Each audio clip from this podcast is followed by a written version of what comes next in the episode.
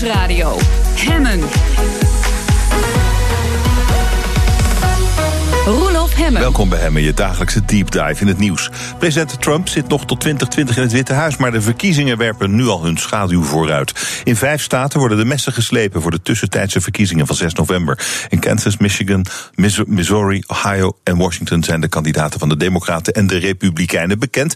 Amerikanist Koen Petersen is bij me net terug uit de Verenigde Staten deze ochtend. Welkom. Mooi dat je dan toch de moeite neemt om nu hierheen te komen. Altijd mooi om hier te zijn.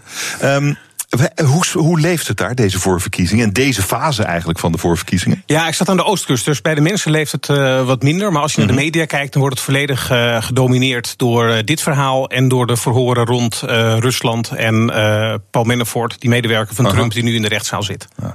En wat maakt deze voorverkiezingen zo belangrijk nu?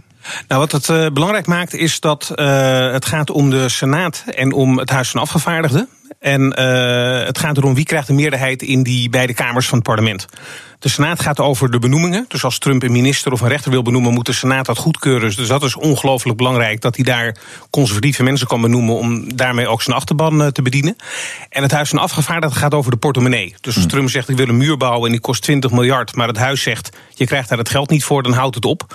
Dus in beide gevallen is het voor Trump van heel groot belang dat hij een meerderheid krijgt uh, in uh, beide kamers. Voor de Democraten van even groot belang om te voorkomen dat dat gebeurt. Ja, want het zou hem echt een vleugellam kunnen maken als het kwartje de andere kant op valt. Ja, dat klopt. De vraag is wel wat de Democraten dan vervolgens kunnen doen. Maar ze kunnen wel mhm. zand in de raderen gooien. En vervolgens over twee jaar zeggen dat Trump niks voor elkaar heeft gekregen. Ja. Uh, nu zijn er die, uh, die vijf staten die ik noemde. Daar zijn de kandidaten bekend geworden. Uh, wat kun je daar al uit afleiden van wat er daar gebeurd is? Nou, met name aan de republikeinse kant kun je zien dat bij die voorverkiezingen Trump een, toch wel een, een dominante rol heeft, heeft gespeeld. Uh, en dat maakt de, de Republikeinse Partij uh, havik-achtiger, dus minder compromisbereid. En aan de democratische kant zie je ook bij voorverkiezingen dat er kandidaten naar voren komen die minder compromisbereid zijn. En dat past een beetje in het plaatje van het polariserende beeld van Amerika. Mochten die mensen allemaal worden gekozen, dan is het heel lastig voor Republikeinen en Democraten om compromissen te sluiten en dingen voor elkaar te krijgen, omdat ze dat van hun achterban niet mogen. Hmm. Um, Oké. Um, de, maar de, de, staten waar die kandidaten nu bekend geworden zijn. Uh, volgens mij hebben zich daar geen aardverschuivingen voor gedaan. Nee, dat lag allemaal redelijk in, ja, de, ja. in lijn der verwachtingen. Ja. Het enige waar nog wel een verrassing zat is uh, Kansas. In Kansas gaat het om het gouverneurschap. En dat is weer heel belangrijk, omdat de gouverneur weer gaat over de indeling van de kiesdistricten met het uh, lokale parlement. En dus weer heel erg bepalend kan zijn voor hoe het parlement over een tijd eruit gaat, uh, gaat zien. Uh, en daar heeft uh, Trump zich achter een uitdager gesteld van de zittende gouverneur, uh, ook een republikein. En die uitdager die heeft een kleine 200 stemmen meer gekregen dan de zittende gouverneur. Er komt een hertelling. Maar het laat wel zien dat het Trump-effect toch wel zichtbaar kan, kan zijn, ook daar. Ah, en in Ohio is, daar is ook iets bijzonders aan de hand. Wat? Ja, in Ohio is een eh, echte verkiezing uh, mm -hmm. geweest. Uh, alle staten zijn verdeeld in districten. En elk district heeft een afgevaardigde in het uh, parlement in Washington, het Huis van Afgevaardigden. En de zittende parlementariër is naar het bedrijfsleven gegaan en die zetel werd vakant. Democraten en Republikeinen hebben gestreden om die zetel. En het was in het twaalfde district. En dat is een district dat eigenlijk heel erg republikeins is. Republikeinen hebben sinds 1980 altijd die zetel in handen gehad. Dus de afgelopen ruim 30, ruim 30 jaar. Uh, Trump heeft daar ook twee jaar geleden een ruime meerderheid gehaald. En ook de kandidaat van twee jaar geleden uh, ook. Ruim 30% meer dan zijn uh, opponent. maar nu zie je dat het een nek-en-nek race was. En dat laat eigenlijk zien dat die Republikeinen, zelfs in hele Republikeinse districten, een stuk kwetsbaarder zijn dan ze twee jaar geleden waren. En de vraag is: komt dat door Trump? En de vraag is ook: betekent dat dat ze worden weggespoeld bij de verkiezingen in november, omdat er ja. meer gebieden zijn waar dit soort districten zijn met kwetsbare Republikeinse kandidaten? Hoe hoe, waar komt die kwetsbaarheid vandaan? Hoe komt dat? Nou, wat je ziet is dat het electoraat eigenlijk, als je vanuit een stad bekijkt, ziet het electoraat er eigenlijk uit als een soort uiering. Het centrum van uh, de steden is doorgaans heel erg democratisch. Naarmate je meer naar buitenwijken komt, wordt het wat uh, minder democratisch. Dan wordt het iets republikeinser. En het platteland, echt helemaal aan de buitenkant van de stad, is uh, zeer republikeins. En met name die tussenring in de suburbs, dus in feite hè, waar, de, waar, de, waar de kleine vrijstaande huizen staan, de, de, de, de wat hoger opgeleide middenklasse. Uh, die geven vaak de doorslag bij verkiezingen. Die stemmen traditioneel republikeins, maar zijn nu toch wel uh, geschrokken van wat Trump heeft gedaan, zowel in stijl als ook qua beleid, bijvoorbeeld met het scheiden van immigranten en hun kinderen. dat die nu twijfel hebben en op Democraten gaan stemmen. Dat kan een proteststem zijn en over twee jaar weer terugkomen in de column mhm. van Trump. Eh, maar het kan ook zijn dat ze afscheid nemen van de Republikeinen en meer naar de Democraten gaan. En dat zou een redelijke aardverschuiving betekenen uh, voor de Amerikaanse politiek. Ja, en, maar ook wel bijzonder als uh, de, de, de, mensen in de suburbs, die middenklasse, dat is een hele grote groep stemmers. die zouden het lot van Trump kunnen bepalen bij de volgende verkiezingen. wat zegt er, wat in Ohio is gebeurd, wat je daar ziet gebeuren, wat zegt dat voor heel Amerika? Ja, er zijn ongeveer uh, tussen de 40 en 60 uh, districten die hetzelfde profiel hebben als dat 12e district in Ohio. Mm. Uh, de Democraten hoeven 25 zetels te winnen van de Republikeinen om een meerderheid te krijgen in het Huis van Afgevaardigden. er zijn ongeveer tussen de 40 en 60 staten waar dit verschijnsel zich nu voordoet. Dan neemt het gemiddelde van 50. Dan betekent dat dat de Democraten één op de twee van die 50 staten moeten winnen.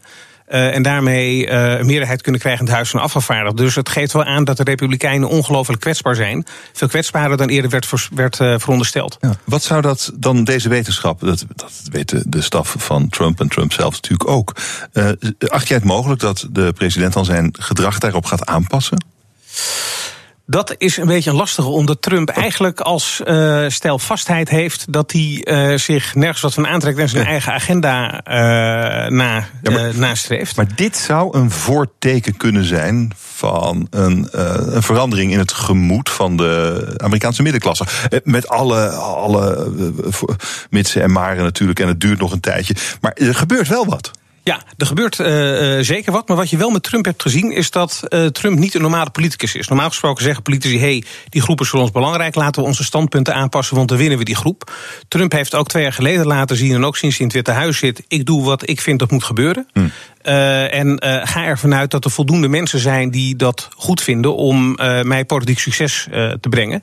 Twee jaar geleden bij de presidentsverkiezing dacht iedereen dat het een recept was voor mislukking. Maar hij heeft de Republikeinse nominatie gekregen tegen zeer ervaren politici. En vervolgens de politieke machine van de Clintons verslagen. Uh, en Trump denkt, ja, als het uh, in het verleden heeft gewerkt, waarom zou ik dan dit succesvolle recept uh, veranderen? Dus de kans dat die gaat veranderen is, is vrij klein. De kans is wel groot dat de kandidaten zelf in die gebieden zich gaan aanpassen, dus nog meer Trump gaan omarmen. Daar krijgen ze misschien niet meer kiezers door, maar het kan er wel voor zorgen dat de opkomst onder hun kiezers groter wordt. En dan kun je een minderheid hebben in de peilingen, maar als de opkomst onder jouw kiezers groter is dan mm. van de opponent, kun je toch nog een redelijke uitslag boeken. Mm, mm, en misschien dat ze daarop gokken. Ja, nou, Trump uh, twittert ook. Red Wave twitterde die. Ja, wat Trump heeft, uh, wat Trump heeft gedaan. Red is inderdaad de kleur van de, van de Republikeinen. Uh, een tijd geleden stond de Republikeinse kandidaat in dat twaalfde district in Ohio nog op een forse achterstand. Uh, Republikeinen hebben er echt volop uh, ingezet. Mike Pence is langs geweest. Er zijn miljoenen dollars in tv-commercials uh, gepompt. En Trump is ook langs geweest. En dat heeft wel weer ervoor gezorgd dat de Republikein langs zij kwam bij de Democraten heel erg voorlag. En Trump denkt dat het door zijn magische gave is, ja, nou, is gekomen. en voorspelt dus dat als hij maar genoeg zichtbaar is en op campagnepad gaat, dat hij daarmee de Republikeinen aan een overwinning kan helpen. Dat zou heel uniek zijn, want bij de afgelopen 40 jaar zijn bij deze tussentijdsverkiezingen altijd de, de, de, de partijgenoten van de zittende president uh, in de rode cijfers terechtgekomen. Obama's partij heeft verliezen geleden, George hm. Bush heeft verliezen geleden, Clinton heeft verliezen geleden. Dus het ligt in lijn der verwachting dat dat ook met Trump gaat gebeuren. Maar Trump heeft wel laten zien dat hij heel veel politieke wetten kan uh, tarten. Ja. En mogelijk dat dat gaat gebeuren. De kans lijkt mij niet heel groot, maar uit te sluiten kun je het ook niet uh, helemaal.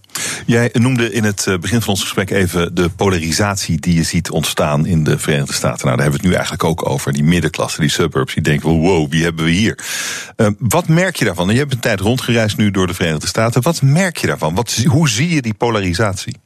Nou, bij die voorverkiezingen zie je dat omdat de mensen die als partijaanhanger geregistreerd zijn, dus wat, wat, wat meer fundamenteler zijn, uh, op uh, wat meer orthodoxe uh, kandidaten stemmen. Dus dat, dat brengt die polarisatie, werkt dat in de hand. Als je met mensen praat, dan zie je, ik was aan de Oostkust, dat is een wat progressiever, wat, wat, wat democratischer of een wat verlicht republikeinse deel. Zie je eigenlijk twee dingen. Eén is dat mensen zich kapot schamen voor Trump. Normaal gesproken bij de jonge Bush, hè, wat mensen soms een beetje een clown vonden, werd een beetje lacherig de schouders opgehaald van ja, god, het is onze president. Maar hier zie je bij Trump dat mensen echt denken van ja, neem ons niet kwalijk dat Trump onze president oh is. Dat wordt echt zo, zo gezegd als ze merken dat je uit het buitenland komt. En als je mensen vraagt van goh, ken je mensen die op Trump hebben gestemd of die Trump een goede president vinden, dan zeggen de mensen die ik heb gesproken, het is nu maar een, een handvol, allemaal nee. Wij kennen geen mensen in onze vrienden of zegt ook iets over jouw bubbel, Ja, dat zou, dat zou, dat zou heel, goed, heel goed kunnen. Maar het, het, het, het geeft wel aan dat um, mensen ook, uh, laat ik zeggen. Um, elkaar opzoeken. Dat zal rond meer thema's zijn dan alleen maar de verkiezingen. Maar het betekent wel dat als groepen mensen met elkaar omgaan, dat ook daar vrij veel consensus is over wie, uh, uh, wie jouw favoriete partij is. En um, wat je in Amerika hebt is Thanksgiving. Dat is een beetje het grote familiegebeuren. Uh, en daar zie je ook dat sinds Trump uh, president is, uh, families bijna niet meer bij elkaar durven te komen. Want als tijdens het Thanksgiving-diner wordt gesproken over politiek, dan vliegt het servies door de Kamer, omdat Republikeinen en Democraten binnen dezelfde familie elkaars bloed wel kunnen drinken als het over Trump gaat. Ja, dus eigenlijk de polarisatie die, ja, die is in het systeem natuurlijk al ingebakken. Maar je ziet dat die nu eigenlijk veel heftiger wordt. Um, ik, ik zou me kunnen voorstellen, maar goed, ik ben een Europeaan en ook nog een Nederlander, dat het niet goed is, die polarisatie. Voor een land. Wat denk jij? Ja, je krijgt, uiteindelijk krijg je weinig, uh, weinig voor elkaar. Je ziet dat Amerika eigenlijk al sinds de tijd van uh, Bill Clinton, toen die polarisatie echt op gang begon te komen, eigenlijk grote veranderingen die nodig zijn op het gebied van sociale zekerheid, op het gebied van pensioen, op het gebied van zorg, dat die eigenlijk nauwelijks van de grond komen. En dat betekent wel dat als je lijnen doortrekt, dat Amerika een vrij onbestuurbaar land gaat, gaat worden, omdat de partijen elkaar niet kunnen vinden in het uh, maken van beleid wat, waar uiteindelijk iedereen zich tot op zekere hoogte in kan, uh, in kan vinden. En als politici al bereid zijn om uh, elkaar de hand te reiken, en er zijn er een paar die dat wel willen, dan kan het weer zijn dat bij voorverkiezingen die wat orthodoxere achterban, hè, de meer fundamentalisten binnen Democraten en Republikeinen zeggen: ja, je bent zo'n slapjanus, voor jou zetten we wel weer een geharnaste persoon neer. Uh, en we kicken je uit dat uh, parlement. En politici willen ook graag een baantje behouden om dingen te kunnen doen, maar ook omdat ze uh, de baan vaak mooi vinden. Um, dus die moeten ook wel naar die achterban luisteren. En die is erg op polarisatiepad. Denk jij dat uh, Trump überhaupt zijn eerste termijn zal uitzitten? Dat denk ik wel, want mm -hmm. uh, het gaat met de economie heel goed. En dat is eigenlijk mm -hmm. altijd een levensverzekering voor een, uh, voor een president. Um, er zijn nu meer uh, vacatures dan werklozen. Uh, economie groeit met 4% per jaar. Dat is echt ongekend. En als je naar peilingen kijkt, dan zie je ook dat Trump daar de credits voor krijgt. Veel meer dan Obama. Het is altijd een beetje de vraag als een president dan met economische rugwind het Witte Huis in komt. Ligt het dan nog aan zijn voorganger of aan hemzelf? Half jaar geleden kreeg Obama nog meer credits ervoor. Nu is het Trump. Dus dat is een hele sterke ticket om herkozen ook te worden. Uh, het enige wat hem kan, uh, uh, ja, uit het Witte Huis kan, kan knikkeren is op het moment dat uit dat Rusland-onderzoek blijkt dat Trump daar echt grote verwijtbare fouten heeft, heeft gemaakt. maar dan moet je echt denken aan verraad, aan omkoping, echt een hele zware, zware dingen. tot nu toe is dat onderzoek nog heel erg besloten. Mueller doet dat heel knap. Hè. Daar komt de lekte eigenlijk vrij weinig naar buiten. Uh, maar als er wat komt, dan moet het ook echt wel met bewijs onderbouwd zijn. De enige president die echt serieus in de problemen kwam was uh, Nixon in de jaren zeventig. Tijdens Watergate, dat was een schandaal. Uh, maar Nixon had stiekem allemaal bandopnames gemaakt van zijn gesprekken in de Oval Office. En daarin was ook te horen, toen die uh, openbaar moesten worden gemaakt van de rechter, dat hij de CIA de opdracht had gegeven om de oh ja. FBI dwars te zitten. Ja, fantastisch. Ja, dat stond uh, op tape. En toen was binnen twee dagen was hij weg. Um, bij Trump kan alles worden bedacht, maar als er geen heterdaadje is met zoiets als bewijs, dan wordt het wel heel lastig om hem uit het Witte Huis te zetten. Zelfs zal er niet gaan. Dus dan is de kans wel heel groot dat hij uh, de eindstreep haalt. En met deze economie is de kans ook nog heel groot dat hij dan herkozen gaat worden. Koen Petersen, dankjewel voor je analyse. Dank. Het aantal echte bijen in de wereld loopt terug. Maar als het aan Guido de Kroon ligt, vliegen er binnenkort bijen drones rond. Je hoort het zo in het beste van hem. BNR Nieuwsradio. Van goed naar beter. Er gaat heel veel goed in ons land, maar laten we vooral ambitieus blijven. Het kan natuurlijk altijd beter. Vandaag in Van Goed naar Beter, drones. Guido de Kroon is mijn gast en hij doet onderzoek aan de TU Delft naar drones. En hij laat zich inspireren daarbij door bijen en libellen. Guido de Kroon, welkom, mooi dat u er bent. Dankjewel. Die kleine drones, uh, want daar, uh, daar werkt u mee, die zijn ongeveer zo groot als een flink insect, hè? Ja, inderdaad. Ja. Ja, daar werkt u mee. Die zijn er. Uh, waar spitst uw onderzoek zich nu op toe? Mijn onderzoek spitst zich vooral toe op de intelligentie van die drones. En uh, die intelligentie is heel anders dan wat je nu ziet in zelfrijdende auto's bijvoorbeeld. Dus die zelfrijdende auto's die hebben dure sensoren, laserscanners bijvoorbeeld. En daarmee maken ze als ze rijden een 3D-kaart van hun omgeving. En zo zien ze heel veel en kunnen ze heel goed rijden. Alleen voor kleine drones is dat geen optie. En dus moet je echt naar een ander type intelligentie toe. En daarbij, en daarbij laat u zich inspireren door insecten. Precies. Oké, leg dat eens uit. Nou ja, weet je wel, op het eerste gezicht lijken ze natuurlijk niet heel intelligent, uh, insecten. Maar stiekem kunnen ze heel veel. Dus als je kijkt naar een uh, fruitvliegje bijvoorbeeld. Die heeft ongeveer 100.000 neuronen. Maar die kan vliegen, obstakels ontwijken. Die vindt altijd het fruit in je keuken.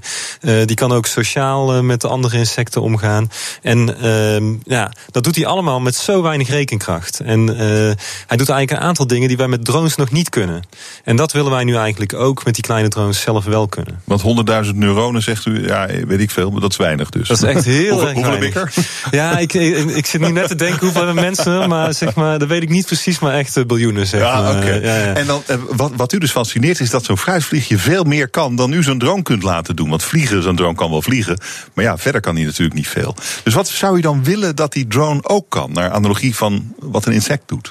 Nou, wat mooi zou zijn is natuurlijk dat ze, uh, ja, net als uh, bijvoorbeeld bijen, uh, kunnen landen op bijvoorbeeld een platform. Ook als er wind is, ook als het platform beweegt. Dus stel je wil een drone hebben in je auto die een stukje vooruit gaat en, en terugkomt, die dan weer in je auto landt. Ja, bijen die kunnen, als je kijkt in je tuin, zeg maar, die gaan echt van bloem naar bloem. Dat doen ze echt fantastisch goed. En dat doen ze met weinig rekenkracht en met ook alleen maar hun ogen vooral, zeg maar. En ja, dat zijn dingen die we dus met drones ook willen doen. En het type intelligentie wat je dan in moet stoppen is toch eentje waarbij eh, de drone simpele regels volgt, eh, maar die wel zo slim opgezet zijn dat ze samen leiden tot een goed resultaat. En om een voorbeeldje te geven, als een bij landt, dan kijkt hij naar beneden. Dan worden dingen groter in zijn uh, gezichtsveld. En dat groter worden, dat probeert hij constant te houden. En, en dat kun je dus ook met drones doen. En dan heb je veel minder rekenkracht en sensoren nodig dan dat uh, dronemakers bijvoorbeeld nu uh, gebruiken. Maar hoe, hoe doet hij bij dat dan? Ja, dus die bij, ja, die, die slimheid zit dus uh, niet alleen in zijn breintje eigenlijk, maar ook zelfs in zijn oogjes. Dus uh, hij heeft al bij zijn, uh, zijn oogjes zijn facetogen. En uh, als hij iets beweegt in zijn gezichtsveld, dan, uh, dan ziet hij dat meteen. Dus dat achter zijn oogjes zit dan meteen een neuron die gewoon opmerkt of iets beweegt, zeg maar. En welke richting het uitbeweegt en hoe snel het beweegt. En al die signalen uit al die facetten van zijn ogen, die komen uiteindelijk samen. En die vertellen aan de bij of hij bijvoorbeeld ergens op afgaat of van, van afgaat. Of of hij naar links beweegt of naar rechts. En dat is eigenlijk iets heel simpels. Ja. Uh, en ja, aan de hand daarvan kan hij toch succesvol uh, vliegen. Dus hij heeft geen 3D-kaart nodig. Nee. Uh, hij doet het real-time zelf. En dat wilt u dus ook in een drone hebben. Precies. En, en hoe ver bent u op weg daar naartoe? Nou, we maken dus heel langzaam stapjes. nee, dus we, we, hebben bijvoorbeeld met, uh, met landen hebben we stappen gemaakt. En wat er wel interessant aan is, is dat uh, waar wij mee beginnen is uh, vaak met wat biologen denken. Dus en bij als die landt, dan houdt hij dat groter worden van wat hij ziet, houdt hij constant. Dat doen we ook met de drone. En dan merken we dat het niet helemaal werkt. Dan zien we bijvoorbeeld van hé, hey, hij begint heel raar te trillen dicht bij de grond. En dan gaan we dat analyseren en dan vinden we daar een oplossing voor. Van hé, hey, wellicht moeten we dit doen om het beter te maken. En dan blijkt dat biologen weer geïnteresseerd zijn. Want die denken van, oh, misschien doen bijen dat ook wel. Uh, en dat zijn we nu dus ook aan het onderzoeken. Dus je kunt met, ja, vanuit bijen dingen leren die voor drones ja. nuttig zijn. Maar je kunt met drones weer dingen leren waar de biologen weer uh, geïnteresseerd in kunnen zijn. En u bent eigenlijk pas uh, succesvol als u een bij kunt namaken. Ja, dat, dat, dat zou ik echt fantastisch vinden. Eigenlijk. Ja. ja, en, dus... en wanneer heeft u dat voor elkaar, denkt u? Nou, ik denk dat dat uh, nog een jaartje of dertig zal zijn, zeg maar. 30? Ja, daar zitten we echt nog wel even vandaan. Maar... Dat is uw hele, uw hele professionele leven? Zo ongeveer wel, ja. Ik denk als je echt een bijnaam maken, dat is echt, echt Oh, heel moeilijk. oké. Ja, want uh, daar, zit heel veel. Het is niet alleen maar de intelligentie, maar ook het lichaam en zo. Maar ik denk wel dat we heel interessante dingen kunnen gaan doen. Want bijen bijvoorbeeld, die kunnen moeilijke taken oplossen door samen te werken. En daar zijn we ook mee bezig. Dus we hebben nu veel kleine drones. En die kunnen nu met elkaar praten. En dan weten ze waar ze zijn. En dan kunnen ze bijvoorbeeld samenwerken. Om bijvoorbeeld snel een gebouw te verkennen. Ja, want daar wilde ik ook wel naartoe. Naar de toepassing van, van die, die drones die u maakt. Die bijen die u misschien over 30 jaar heeft nagemaakt. Je kunt een gebouw gaan verkennen. Als er bijvoorbeeld brand is geweest. Of is misschien wel, of als er aardbevingsschade is, dat soort dingen. Daar doelt het op. Ja, in, in hulpverleningssituatie. En wat nog meer? Ja, je kunt ze ook. Eh, kijk, we zien ze, want uh, ja, ik richt me echt op eh, kleine lichte drones die heel veilig zijn. Maar uh, dan is ook binnen is ook een goede toepassing, omdat er natuurlijk minder wind is. Uh, en binnen kunnen ze bijvoorbeeld ook in magazijnen rondvliegen om te kijken wat er in het magazijn nog allemaal aanwezig is. En nu moet je telkens, als je op de bovenste verdieping wil gaan kijken, ja, omhoog met een apparaat of een ladder. Of, en die dingen kunnen gewoon rondvliegen en die scannen alle aanwezige pakketten en die landen weer. Maar je kunt ook denken aan, uh, aan kassen. Dus dat uh, drones in kassen gaan vliegen. En kijken bijvoorbeeld of het fruitrijp is, uh, of er ergens water bij moet, of pesticiden. en ook in kassen kunnen ze echt heel veel real-time informatie leveren. Ik zou het ook wel fijn vinden als u bijen kunt maken die bloemen bestuiven. Want bijen is een vrij ernstige ontwikkeling. Er zijn steeds minder bijen. Ja, dus dat is ook een mogelijkheid. Dus daar hebben we ook wel eens naar gekeken al. En ook dat is echt een mogelijkheid om een gedeelte van de bestuiving ook met drones te gaan doen. En militaire toepassingen? Die zijn er ook legio, denk ik. Ja, wij zijn daar zelf niet zoveel mee bezig. Maar die zijn er ook vast. Ik bedoel, ik denk dat militairen vaak gewoon willen weten... Zit in een gebouw zitten er terroristen in of zo. Dus ook dat soort dingen kun je wel aan denken, ja. Maar dat heeft niet uw grote belangstelling? Nee, nee, nee. Ik, ik vind vooral interessant van hoe kun je drones uh, licht maken, veilig maken, dat mensen zich er fijn bij voelen. Ja, dus we hebben ook zo'n libellenrobot. Uh, en ja, als je die ziet vliegen, ik vind het zelf heel rustgevend. Ik maar... heb er, ik heb er een filmpje van gezien. Maar dat, die, die hangt een beetje in, in de lucht als een zeepaardje en die flappert een beetje. En die gaat heel rustig overal naartoe. Ja, precies. Maar, maar wat ik daar zie, bestuurt u hem dan? Nee, nee. Oh, die, dus hij, wat hij daar doet, dat doet hij al zelf. Ja, dus uh, die vliegt dan helemaal zelf. Hij vloog wel bijna tegen u aan. Ja, precies. Ja, maar hij houdt ook een beetje van mij. Dus hij, uh... oh, is dat het? Ja. Denkt u zo over wat u uitvindt? Ja.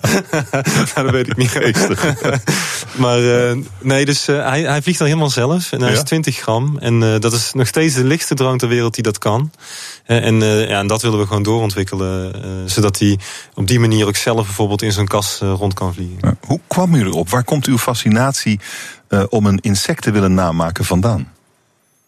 Uh, nou ja ik, ja, ik ben heel erg geïnteresseerd in uh, intelligentie. En dan vooral eigenlijk een beetje de lagere intelligentie. En uh, ja, ik denk, als je ziet wat insecten allemaal doen, ja, ik vind het gewoon fascinerend. En ik vraag me dan af van hoe zouden we dat kunnen maken? En je moet dan uh, ja, heel efficiënt eigenlijk gaan denken ook. En dat heeft natuurlijk de natuur gedaan voor de insecten met de evolutie en noem maar op. En ja, dat, dat vind ik het fascinerende eraan. Wilde u dat als klein jongetje ook al?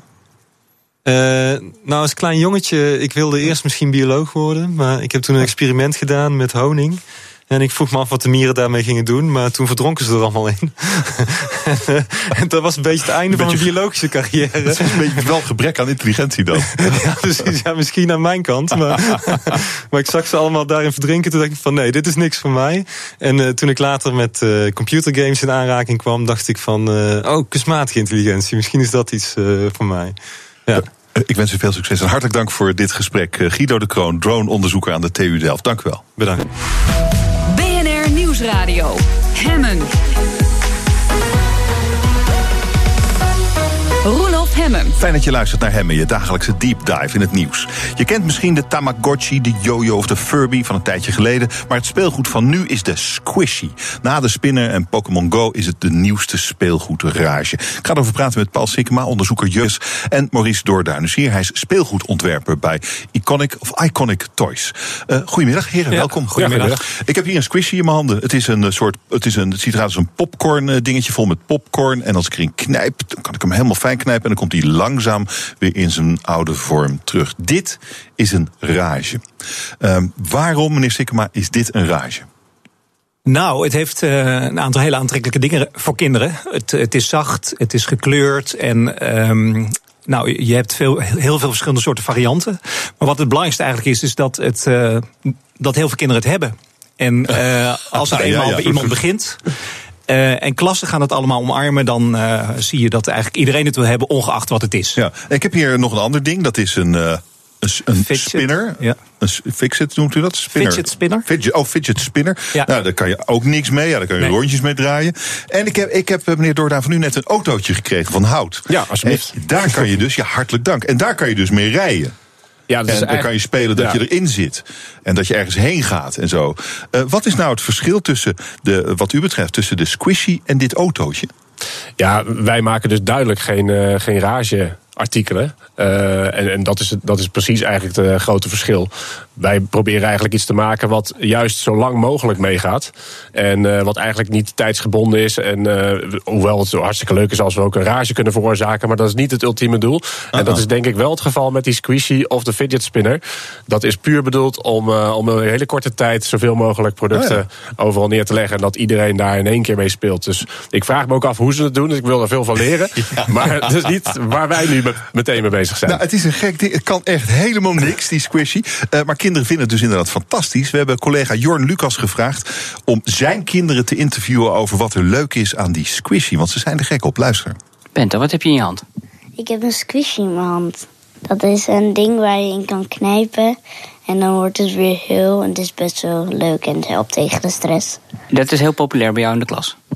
Ja, heel veel kinderen hebben het ongeveer meer dan de helft van de klas. Hey, en eh, waarom is dat zo populair, denk je? Nou, weet ik niet. Nou, het is gewoon fijn in te knijpen. En, en ja, heel veel kinderen in mijn klas hebben het. Dus en zij vinden het heel leuk. Dus als ik het ook leuk vind, vind ik het ook leuk om te kopen. En laatst had je ook zo'n spinner. Maar die gebruik je niet meer. Nee, die rage is nu wel voorbij. Dus En dat gaat natuurlijk straks ook met die squishy gebeuren. ja, maar ik blijf hem wel houden. En wat vind jij van zo'n squishy? Ehm, ik vind het eigenlijk een, ehm, een geldverspilling. Waarom? Ehm, ja, je kan er alleen in knijpen en ik vind er eigenlijk helemaal niks aan. En jij hebt laatst ook zo'n spinner gehad. Dat is waar. En denk je dat zo'n eh, squishy dat het lang populair blijft? Nee, totaal niet. Net zo lang als de spinners, misschien. Dus dit is ook gewoon een, een hype, een rage die zo weer voorbij is. Ja, eigenlijk wel, ja. Heerlijk.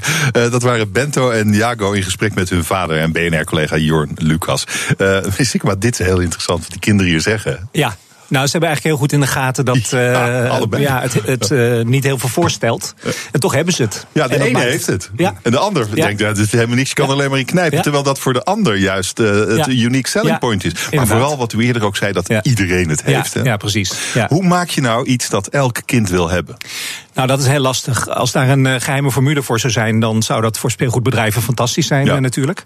Maar dat is toch heel erg slecht te voorspellen. Je weet wel dat een aantal dingen belangrijk zijn. Verzamelen is een van die dingen. Eh, ik heb eerder ook wel eens gezegd: het is belangrijk dat het eh, je ouders irriteert, of je juf of je meester. Dat helpt ook heel erg eh, om het populair te maken. Is, is de squishy Maar- irritant? Ja, nee, die eigenlijk niet. totaal niet. Dat is een leuk Nee. ding. Het, Ja. Ze komt ook in allerlei vormpjes. Hè? Ja, Het zijn ja. beestjes, diertjes. Hier die Ja. popcorn. Absoluut. Het maakt eigenlijk niet uit. Ik, zou ook gewoon, ik heb een matras van dat spul. Ja. Nee, dat zou maar prima kunnen, ja. je hebt een vader. Eh, ja. Nee, je Maar ziet hier, er ik heb ook een eh, Ja. Oh, er eh, ook sleutelhanger een. Meegenomen. Dus er zijn ook wel varianten waarbij je iets meer kunt doen. Dus deze kun je altijd nog aan je fietssleutel hangen. Bijvoorbeeld, Maar, maar ja. verder kun je er vrij weinig mee. Maar hoe komt het nou dat kinderen dit leuk vinden? Want het, het, het- het- hier zit een fantastische kindermarketingstrategie achter. Ja, dat lijkt zo. Maar eh, het is wel zo dat kinderen met name op de eh, basisschool heel erg openstaan voor dit soort ontwikkelingen. Dus die zijn daarnaar op zoek, zou je kunnen zeggen. Ook om zichzelf te profileren en om erbij te horen bij anderen. Dus ehm, als je iets kunt vinden wat heel snel omarmd wordt door een aantal kinderen. Door dat bijvoorbeeld in de media slim weg te zetten. Dan zou je heel snel inderdaad zo'n rage kunnen creëren. Ja, maar kindermarketing is aan allerlei regels gebonden. Je kan niet zomaar eh, je, eh, je marketinginspanningen op kinderen Klopt. richten. Ja. Dus dat maakt het iets gecompliceerder. Dus hoe doe je dat? Ehm, nou ja, je kunt wel. hoe hebben ze het bij Squishy gedaan? Dat weet ik eigenlijk niet precies. Hmm. Het, het- heel vaak is het toch zo, dan zijn die spullen er opeens. Dus het wordt eh, ergens naartoe gebracht in winkels, het is te koop, eh, iemand pikt dat op. En soms wordt dat toch ook wel weggezet eh, ja, via PR. Bijvoorbeeld door eh, in een aantal programma's dat te laten zien. En kinderen pakken dat ook wel snel mee. Dus eh, ook wel in programma's die eigenlijk niet voor kinderen bedoeld zijn. Ja, meneer Doorduin, speelgoedontwerper, wordt wel een beetje wijzer. Hoe het Nou, moet. ik zit heel interessant eh, Ik zag ja, het. met interesse mee te luisteren. Maar ik vroeg me ook af, zijn er ook bedrijven die expliciet dat in de markt zetten om zo'n rage te bewerkstelligen? Of is dat een meer een neveneffect, zo gezegd? Ehm, nee, die bedrijven die zijn er wel. Alleen Ja. dan moet je je voorstellen dat je ontzettend veel mislukking hebt. En een paar Ja, ja. keer gaat het goed. Ja. En het is heel lastig om te voorspellen wat dan het succes zal worden en wat niet. Ja. Maar tegenwoordig een aantal van die recente rages... die komen eigenlijk min of meer uit de lucht vallen. En die komen ook niet per se van hele grote speelgoedbedrijven. Als je bijvoorbeeld kijkt naar eh, Loom-bandjes... Ja. wat we nog niet hebben eh, besproken... ja. nou, dan is dat eigenlijk ook opeens een succes. En dat is Zijn niet die nog veel- steeds eh, hip? Nee, maar wat daar wel een anders aan was dan aan die huidige eh, trends, is dat je er echt iets mee kon doen. Dus je kon er eh, armbandjes mee maken, je kon Ja. er eh, ja, persoonlijke dingetjes mee creëren. Dus de, de speelbaarheid is daarvan veel groter dan van zo'n squishy of Ja. van een fidget spinner. Ik heb dat ding in mijn, in mijn hand. Ik ben me er opeens van bewust dat ik er toch heel de tijd Ja. in zit te knijpen. En dat is eigenlijk best, Dat het is de- een lekker dingetje om in te knijpen ja. eigenlijk. Ja. Ja, het lijkt me wel heel lastig. Om- lekkerder dan dat autootje ja, van ja, u. Ja, ja, ja. Ja, die gaat wel wat langer mee, denk ik. Dat denk ik maar, ook wel. ehm, het, het lijkt me ook wel heel lastig als je, want met die loombandjes ook, als ik nou een, een houten eh, ontwerpje maak. En nou, ik ben niet van een grote zoals eh, de, de Hasbro's en de Mattels van deze wereld. Ja, die gaan er dan ook misschien mee, mee aan de haal. Dan heb ik al die, inspanning geleverd. Dus volgens mij is het bij die loombandjes precies hetzelfde. Ja, is het niet te beschermen? Dat is heel lastig. Ja, In de praktijk, ja, je kunt het snel namaken. Als je op grote speelgoedbeurzen komt, dan zie je dat daar ook al meteen Chinezen zijn om alle ideeën die er zijn ook meteen weer eh, zelf te produceren. U, u was, meneer Sikkema, betrokken bij de introductie van de Furby. Hè? Ja. Eh, ja, dat Dat al heel lang tijd geleden. geleden, ja. Ja. Is wanneer was dat nou precies? Nou, Ja, ik denk dat dat wel eh nou, 15 geleden? of 20 jaar geleden wel, was. ja. Dat, die Furby, dat was eigenlijk dat was een, allerlei soorten verschillende figuurtjes, ongeveer nou, 20, 25 centimeter hoog. En die maakten geluid. Ja. Je kon ermee praten, zij konden praten. Ja. Je kon ze eten geven. Er waren allerlei Oh ja, dingen die je ja. kon doen met die eh, beesten. Waanzinnig populair. Wat heeft u gedaan destijds om ervoor te zorgen dat ze zo populair werden? Nou goed, eh, dat hebben we natuurlijk gedaan samen met de speelgoedfabrikant. Maar ehm, dat is in ieder geval eh, op heel veel plekken neergezet en weggezet. En we hebben veel aan PR gedaan. Dus we hebben veel laten zien dat die eh beestjes leuk zijn. En dat ze er zijn en hoe ze werken. En dat je met ze kunt interacteren. En op welk moment wisten jullie van, ah, dit wordt hem echt, dit wordt een knallende hit? Nee, dat is heel lastig om dat te voorspellen. Dat, dat, ja, maar op een gegeven moment zie je het. Ja, ja. nou, dat, dat, eh, volgens mij was dat destijds in een periode rond Sinterklaas. En eh, ja, op een gegeven moment zie je dan heel snel dat de verkopen heel snel gaan toenemen. En dat eh, winkels out of stock raken. Dat wil zeggen dat er dus onvoldoende spullen zijn. En dat is dus ook een, een reden voor succes. Want dan ziet iedereen ook van, hé, hey, blijkbaar heeft iedereen dat. Ik moet dat ook hebben. Die Furby was hartstikke duur. Die kostte 100 piek of zo. Ja. Euro's. Nee, guldens. 100 gulden 100 destijds. gulden. Ja, Veel. Ja, ja, ja, en toch was dat voor veel mensen geen probleem. Want ja, als je Nee. kind erbij moet horen, ja, dan, dan heb je er Dan wel wat voor over. ontkom je daar niet aan. Maar Nee. hoeveel geld eh, hebben jullie destijds verdiend met die Furbies? Nou, dat is dan het speelgoedbedrijf dat Ja. dat uiteindelijk maakt. Maar ehm, ja, daar worden er heel veel van verkocht. En eh, om hoeveel geld dat gaat, dat weet ik niet precies. Maar eh, dat loopt toch wel in de forse bedragen. Ik het ook wel, ja. Je Doorduin, die autootjes van nu. Ja, ik, ik, autootjes, ja, ik ben natuurlijk oud, dus ik speelde vroeger met autootjes. Ik vind autootjes leuk. Ehm, maar waarom maakt u nog steeds autootjes? Nou, ik was eigenlijk geïnspireerd door eh, mijn zoontje, die ehm, eh, ineens weer met mijn oude houten speelgoed speelde. Wat mijn moeder al die tijd bewaard had. Want dat is met houten speelgoed. Hè. Mensen het niet weg. kapot. Nee, gaat niet nee. kapot. Je kan het zelfs repareren als je wil. En toen dacht ik van ja, als ontwerper, kijk, als je degene die dat ontworpen heeft. Dat is mooi, want er wordt nog steeds mee gespeeld, 30 jaar na dato. Heeft een soort eh, eeuwigheidswaarde. Zeker. En dacht ik, ja, dat is eigenlijk eh, hartstikke mooi. En Je Ja, kan daar zeker. hele mooie producten mee maken. Toen ben ik gaan kijken wat er allemaal al was. Denk, nou, ik kan daar wel iets aan toevoegen, denk ik. Dus ehm, daar Maar is wat, het wat voegt u eraan toe? Ik vond ehm, eh, toen in het aanbod, en eigenlijk nog steeds wel, dat, het, ehm, dat die kinderen niet echt serieus genomen worden. Het is heel veel met fantasie en eh, stoomlocomotieven, nou, die rijden niet meer. Dus eh, mijn eerste lijn van producten ehm, was dan ook, waren dan ook producten die dan meer op de werkelijkheid waren gebaseerd. Dus een, een hoge snelheidstrein, een Nederlandse spoorwegentrein. Oh, dat is ja, hele Want dat moderne vond ik vroeger vormen. vond ik Ja. zelf als kind hartstikke leuk. Dat je dus echt wat je buiten op straat zag, dat je Oh, dat ja. na kon spelen. En er zijn natuurlijk ook kinderen die dan misschien meer dat leuk vinden. Want daar, eh, deze, deze auto's, want die zijn niet ingevuld. En Nee. daar kun je je eigen fantasie weer op loslaten. Nee, dus dat doen we ook. Dus met de oervorm van de auto, een beetje vierkant. Eh, maar oké, dus dat is wat u eraan toevoegt, eigentijdsheid eigenlijk. Op een Nou, heel in die lijn wel. en in ja. deze lijn werken we dan samen met Floris Hovers, een ontwerper die eh, ook interieurobjecten maakt. En die vindt juist van nou, die kinderen moeten hun eigen fantasie op eh, los kunnen laten. Dus die laten het eigenlijk zo leeg mogelijk om. eh, maar dat is een andere doelgroep, een andere insteek. Maar dat waardeer ik ook heel erg. En het, ja, de kleurgebruik en de vormen zijn onwijs mooi die hij gemaakt heeft. Dus dat eh, vind ik ook hartstikke top. Hoe zorg je nou dat die ouders niet alleen dat speelgoed voor hun kinderen in huis halen, maar dat die kinderen er ook mee blijven spelen? Bespreek ik zo. BNR Nieuwsradio. Zijn aan het praten over eh, speelgoed, rages op speelgoedgebied. En de Squishy, dat is de laatste speelgoedhit. Het is een stu- stukje traagschuim waar je lekker in kan knijpen. En het heeft allerlei vormpjes, het is hartstikke leuk. Eh, Paul Sikkema is bij me, hij is onderzoeker jeugdgedrag bij Curious. En Maurice Doorduin, speelgoedontwerper bij Iconic Toys. Eh, wat zou dit dingetje wat ik hier in mijn handen heb kosten? Wat, wat, weten jullie dat? Ja, ik heb, net, eh, ik heb, er net een gekocht voor 3,5 euro. 3,5 En je euro. ziet ook pakketjes van eh 5 euro, 6 euro. Soms zijn er dan een paar gecombineerd. Ik denk Dus dat deze Squishy ongeveer eh, een 5 cent kost om te maken. Ja, Ergens in kunnen. China. Ja, ja, dus er zit Dat een marge op. hè? Dat zijn marges. En die, eh, die auto's eh, van u, meneer Doorduin. Wat, wat kost deze auto bijvoorbeeld? Of, zo- of misschien, ja, waar mag ik hem mee vergelijken? Met een, met een spinner of met een squishy? Wat? Ja, nou ja, het laat zich denk ik lastig vergelijken. Maar ehm, eh, wij hebben verschillende collecties, waaronder eh, houten speelgoed die eh, op de treinrails kan. Dat de meeste mensen wel in huis hebben. Dus dat is, dat is deze lijn. Daar liggen de, de prijzen. Ja, wat mensen gewend zijn van houten treinbanen. Dus een, een, een set met huisjes en rails voor ongeveer 30, eh, 35 euro. We hebben een lijn ehm, samen met Floris Hovers ontworpen. Een, eh, een zes auto's. Dat is een, eh, een Dutch designer die eh, ook interieurobjecten ontwerpt. En daar verschillen de prijzen van 22,50 euro van het autootje wat u daar heeft. tot 22,50. Tot 38,50 voor de grootste. Maar ja, dat zit weer midden tussen speelgoed en designobject in. Ja, maar dit koop je dan eigenlijk misschien zo. Ik hou nu het autootje omhoog. Dit koop je dan misschien nog voor- meer voor jezelf dan voor je kind? Ja, dat, ja. Ja, dat, dat, Ja, dat- daar mikken we ook wel een beetje op. Eh, maar ook wel voor mensen die dat ook nog leuk vinden om in hun interieur te hebben. Want eh, heel veel speelgoed is eh, nou, niet heel erg fraai voor in je interieur. Nou, als dat dan rondslingert, dan, dan misschien eh, werkt het nog een beetje mee. En Zo dat gaat het. misschien ook niet in de speelgoedkist, maar dan krijg je misschien een mooi plekje op de, op de plank, waardoor kinderen misschien ook weer sneller pakken. Ja, want dit heeft natuurlijk, dit, we hadden het al eerder over, dit heeft eeuwigheidswaarde. Dit, ik hou nu de squishy omhoog, niet, denk ik. Nee. Of wel? Want het is wel zo, als, als ik mijn oude speelgoed kom, soms kom je tegen. Dat kennen jullie vast Ja, wel. Dan denk je, oh, wauw, Ja. ja. dit was... Ja, maar- dat- zou je dat met zo'n squishy ook hebben? Nou, ik betwijfel dat erg. Ik, ik denk dat ouders tegenwoordig een huis vol hebben met allemaal rotzooi, om het oneerbiedig te zeggen. Dat zijn ook die acties van die supermarkten. eh, dus alles wat je in de loop van de tijd gespaard hebt, dat blijft dan een aantal weken of een aantal maanden oké. En dan berg je dat ergens op.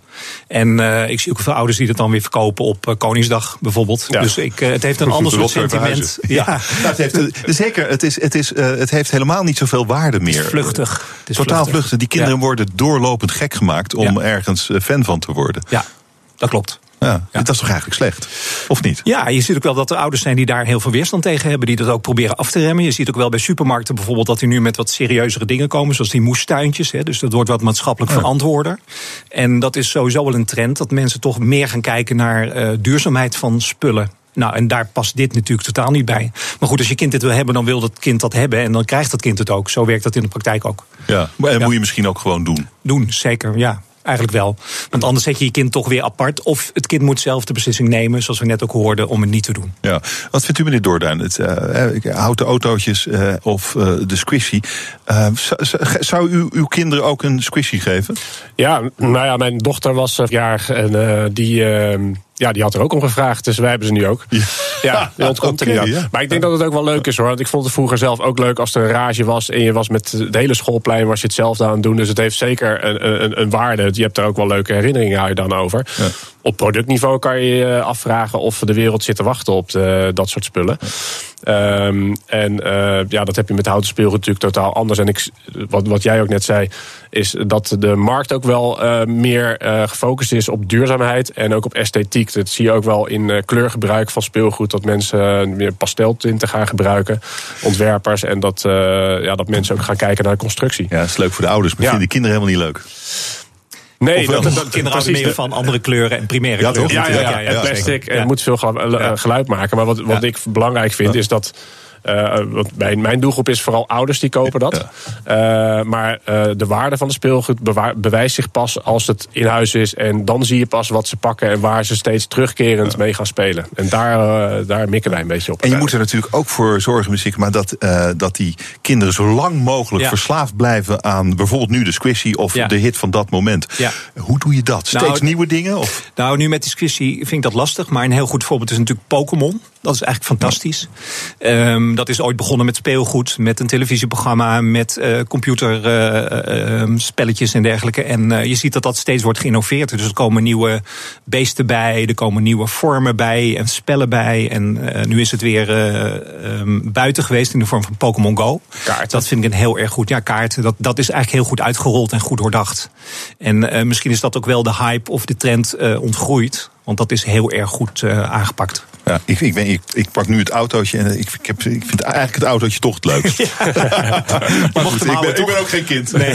Hartelijk dank voor dit gesprek. Okay. Uh, dank uh, zeg ik tegen Paul Sikkema. Hij is onderzoeker jeugdgedrag ja. bij Curious. En Maurice Doorduin, speelgoedontwerper bij Iconic Toys. Dank jullie zeer. Graag gedaan. Dankjewel. BNR Nieuwsradio. Roelof Hemmen. Ook al is ze al zes jaar niet meer onder ons, vandaag komt Whitney Houston naar Nederland. In 100 bioscoopzalen zal de nieuwe documentaire Whitney te zien zijn. Over haar bewogen leven en haar vroege dood in 2012. Hoe komt het dat Whitney Houston na al die tijd nog altijd veel impact heeft en veel betekent voor de muziekindustrie? Niels van Hattem heeft het uitgezocht. Luister.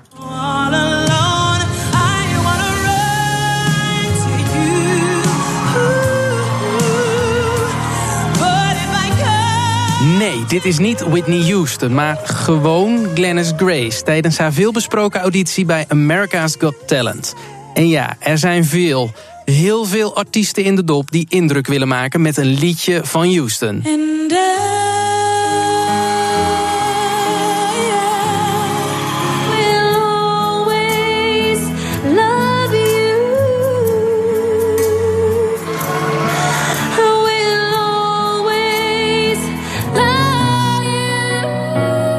Ik wil gewoon uitzoeken waarom Houston nog altijd zo populair is.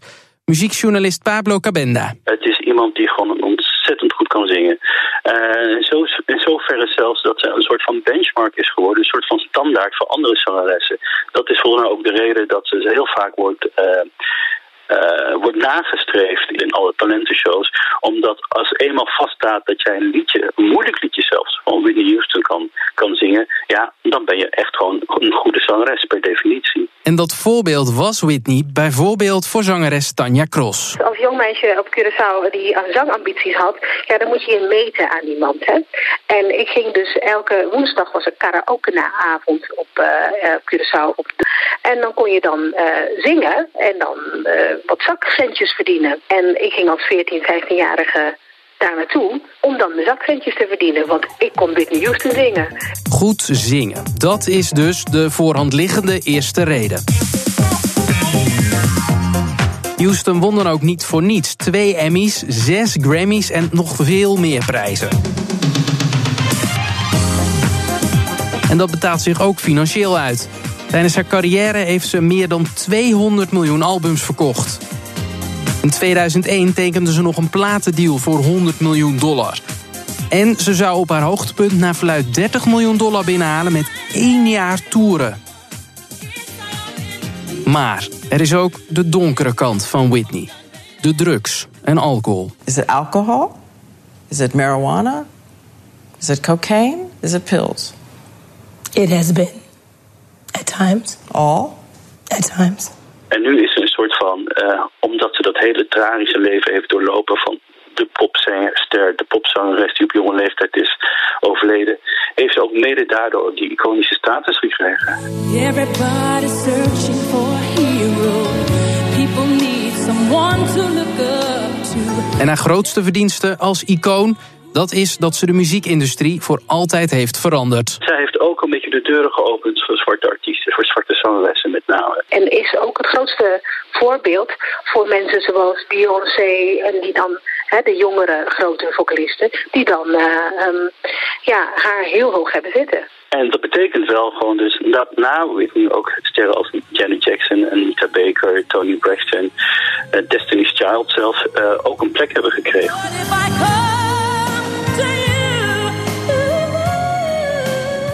Whitney Houston, die miljoenen laat genieten en de muziekindustrie heeft veranderd. Vandaag is de documentaire Whitney te zien in 100 bioscopen in ons land. Jij kunt hem echt alles vragen. De vraag is, blijven ze ook niet te veel in het slachtofferschap hangen? In mijn beleving zie ik al jarenlang bijna geen blauw meer op straat. Iedere dag één actueel onderwerp waarover jij een vraag kunt stellen. Kleine ondernemers in geldnood. Over de abonnementeneconomie. Over stamcellen. Over handelsoorlogen. Via Twitter, Facebook, WhatsApp, mail of leuker nog, bel live in de uitzending. Iedere werkdag tussen 2 en 3 uur. Jurgen Rijman met Ask Me Anything op BNR. BNR Nieuwsradio. Hemmen. Roelof Hemmen. Fijn dat je luistert naar Hemmen, je dagelijkse deep dive in het nieuws. Het runnen van een succesvol klassiek circus is een hele onderneming. De Nederlandse circusbranche verandert in hoog tempo. Bekende circussen zijn failliet gegaan. Circus Seim is het laatste klassieke rondreizende circus van Nederland. En ze schrijven zwarte cijfers. Circusdirecteur Alex Seim is bij me. Welkom meneer Seim, mooi dat u er bent. Goedemiddag. Een klassieke rondreizend circus. Uh, wat is dat in uw geval? Uh, in ons geval is dat wij nog echt een seizoen maken van maart tot en met december. Dus dat je echt met een groep artiesten en medewerkers met een compleet dorp onderweg bent. om iedere week op een andere locatie het, uh, het circus te vermaken. Uh, de circuswereld is de laatste jaren enorm veranderd. Veel circussen zijn toegegaan naar, naar het nouveau cirque. Dus het circus met een boodschap, met een verhaal waar je over na moet denken. wat de artiesten je tijdens die show willen vertellen. Hè. Dus er zijn ook nog wel andere groepen die rondreizen. Maar het echte klassieke circus met uh, stras, met veren, met paarden, met pluimen, met zaagsel in de piste. Ja, daarvan is Circus zijn de laatste. En waarom uh, vindt u het zo belangrijk om uh, dat, dat overblijfsel uit een andere tijd, wat het misschien wel is, om dat levend te houden? Uh, aan de eerste plaats is het natuurlijk passie. Uh, liefde voor het, uh, het klassieke circus. Aan de andere kant is het, maken we er ook een beetje gebruik van. Buiten we het ook uit. Het is zeg maar, ja, als je het het Efteling gevoel mag noemen. Mm. Je hebt heel veel snelle attractieparken. Maar naar de Efteling gaan mensen terug van generatie ja. op generatie. En dat is bij ons ook. Dat zie je bijvoorbeeld ook terug bij het Wereldkerstcircus in, in Carré tijdens de wintermaanden. En zo'n reizend circus wat verdwijnt en verschijnt in een stad. Ja, dat heeft toch altijd nog iets magisch voor het hoog in het publiek. Er is een soort uh, romantiek in het circusleven, denk ik. Uh, u doet het nu een jaar of 18 of 18, zo, hè? 18, ja, 2000 zeker. begonnen. Ja. En u, u dacht op een, op een moment, ik wil een circus. Hoe ging nou, het? Dat dacht ik al vrij vroeg. Ik was uh, vier. Ik uh, kom uit een echte bloembollen exportfamilie. Uh, en mijn ouders namen mij mee naar het circus.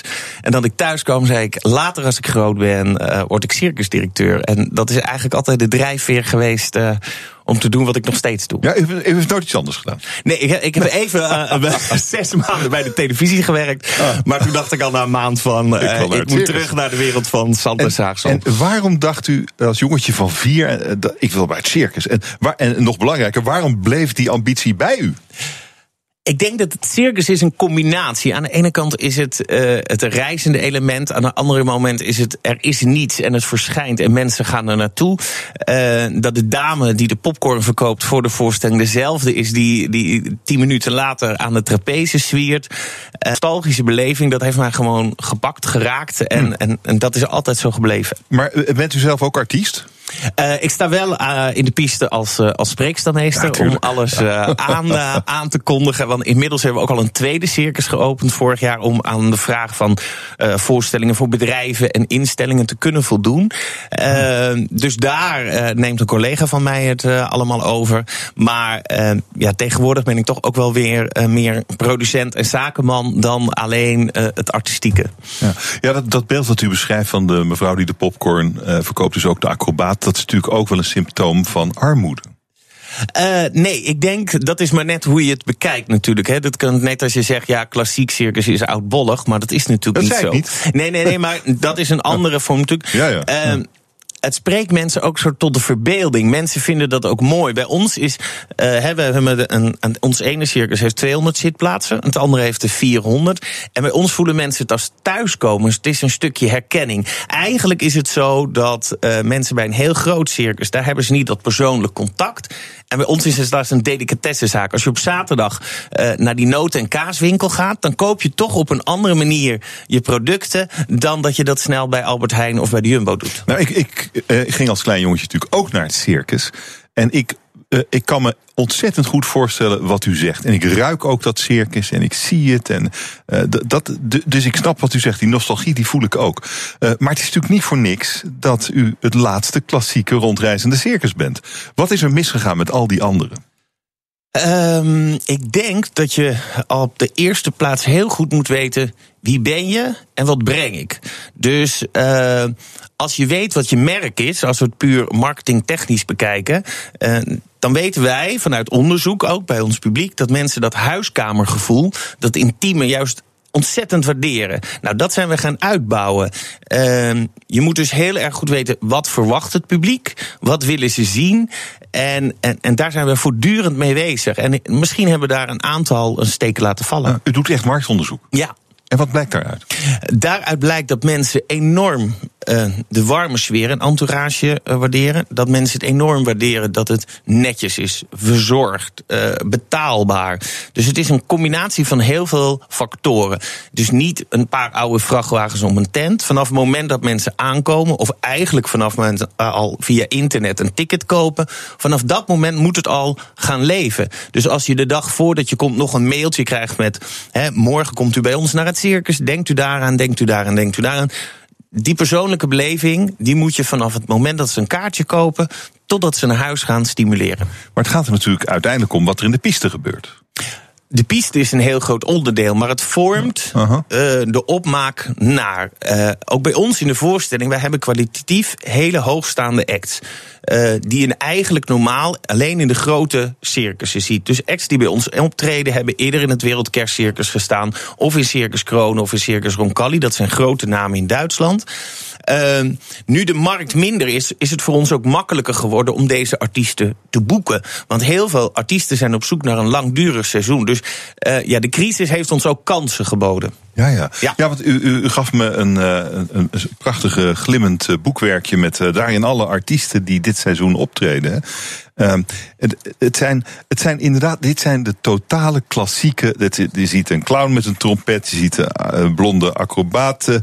Uh, je ziet nog zo'n, hoe heet, hoe, hoe heet zo'n clown ook een alweer? Witte clown. Een ja, witte clown, een witte ja, clown. ja, die ja. sommige mensen heel eng vinden, ik niet. Uh, maar dit is echt, dit is het ouderwetse circus. Ja, dit is het er, ouderwetse Er wordt zelfs bij u met messen gegooid en met een kruisboog geschoten. Ja, en ook Vlak nog langs een vrouw. en ook nog op een ronddraaiende schijf. En stiekem komen we toch een beetje uh, voor die spanning van gaat het goed of gaat het niet goed? Het gaat altijd goed, hè? Het gaat altijd goed, maar het is soms, stoeien, het gaat, het is soms stoeien met de arbodienst om uh, die te overtuigen. Maar voor Ja. de rest gaat het goed. Ja, ja, nou dat brengt ons natuurlijk bij eh, eh, regeltjes en voorschriften de, die de circuswereld de afgelopen jaar natuurlijk ook hard getroffen hebben. Eh, u mag niet zo heel veel meer. Uh, ja, je moet zoeken naar de kansen. En, Nou, er mag geen wilde dieren meer. Uh, als je met, met een kruisboog op een vrouw wil schieten, ja, moet je ook alweer aan van allerlei regels voldoen. Dus dat, dat, Nou is ja. natuurlijk voor het circus lastig. Over het algemeen is de hele maatschappij natuurlijk een beetje aan te vertrutten. Laten we maar zeggen. Hè? Van alles, we verzinnen voor alles een re- tegels. Ja, we verzinnen voor alles een regeltje. Dit mag niet, dat mag niet, zus mag niet. Terwijl die mensen nog wel hunkeren naar dat gevoel. Hmm. Nou, daar moet je zoeken. Dan ga je in overleg met de arbodienst. Je gaat in overleg met de gemeentes, met de provincie, uh, met, de, met de verzekering. Noem het allemaal maar op. Uh, en tot nu toe lukt het ons nog steeds om daar een, een, een weg in te vinden. Wij hebben nooit exotische dieren in ons programma uh, gehad. We hebben ons altijd beperkt tot uh, boerderijdieren, dus paarden, uh, waarom, honden. was, waarom was dat? Want dat is, dat is nou wel iets wat typisch bij een klas- leeuwen. Uh, omdat wij, uh, dat ik 18 jaar geleden begon, vooral op kleinere locaties optrad. Uh, wanneer je olifant of tijgers of leeuwen bij je hebt, dan moet je daar natuurlijk toch een enorme ruimte voor hebben. Die hadden wij vanaf het begin al niet. Toen zijn we gaan kijken, wat is de essentie van het circus? Waar begint het mee? Dat zijn paarden, dat zijn clowns, acrobaten. En daar hebben we de invulling aan gegeven. En er is eigenlijk nooit dat mensen bij ons zeggen van... goh, uh, Circus Heim, u heeft geen tijgers of leeuwen of olifanten. Dus dat heeft bij ons niet gespeeld. En daarbij denk ik en vind ik ook... dat het hele dierenprobleem uh, erg groot is opgeklopt. Want u vindt het eigenlijk niet zo'n probleem, wilde dieren in het circus? Nou, als je kijkt in Nederland, daar was één circus met een olifant en een zebra. Uh, daar gaat het hele verbod over. De rest waren buitenlandse circus die hier in Nederland reisden. Dus er was maar één circus geregistreerd in Nederland met een olifant en zebra. Die beide dieren zijn nog altijd bij dat circus, omdat er geen opvang mogelijk is. Dus er is een hele wet opgetuigd, waar je ook nog vraagtekens bij kunt zetten. Uh, ik denk gewoon dat die wet uiteindelijk gewoon is gebruikt als wisselgeld uh, hmm. uh, met Marianne Thieme en, uh, en de VVD en de Partij van de Arbeid. Daarbij wil ik wel opmerken dat de circuswereld voor oploopt als we zeggen over het welzijn, zorg, huisvesting, noem het maar op. Wij zijn natuurlijk voor goede dierenzorg. Laat dat niet verkeerd begrepen worden. Maar het hele, de hele wetgeving ging dus maar over één olifant en één zebra. En als de wetgever had gezegd: uh, deze twee dieren mogen bij het circus blijven, uh, maar mogen niet meer voor nakomelingen zorgen en gewoon een uitsterfbeleid. Dan denk had ik dat het, gekund. dat had ook prima gekund. Ja, toch is het, u heeft het nooit gemist. U heeft het nooit nodig gehad en nooit gemist. Nee, wij hebben het nooit nodig gehad. Ja. Dat, uh, maar iedereen maakte natuurlijk zijn eigen product. En je ziet, ja, de hele circusbranche is, is, is de afgelopen jaren enorm veranderd. Ja. Wat zijn, uh, ja, maar u, u blijft, u doet eigenlijk nog gewoon steeds hetzelfde als het circus 40, 50, 60, 70 jaar geleden, 200 jaar geleden deed. U doet dat gewoon nog. Um, maar denkt u dat u het nog eens een keer 18 jaar kunt blijven doen? Um, wat wij zeg maar zien, dat wij in het jaar uh, 2000 begonnen, verkochten wij 80% van onze voorstellingen aan het bedrijfsleven, aan evenementen. Uh, het waren eigenlijk allemaal verkochte shows. Nou, toen kwam in 2008 de crisis.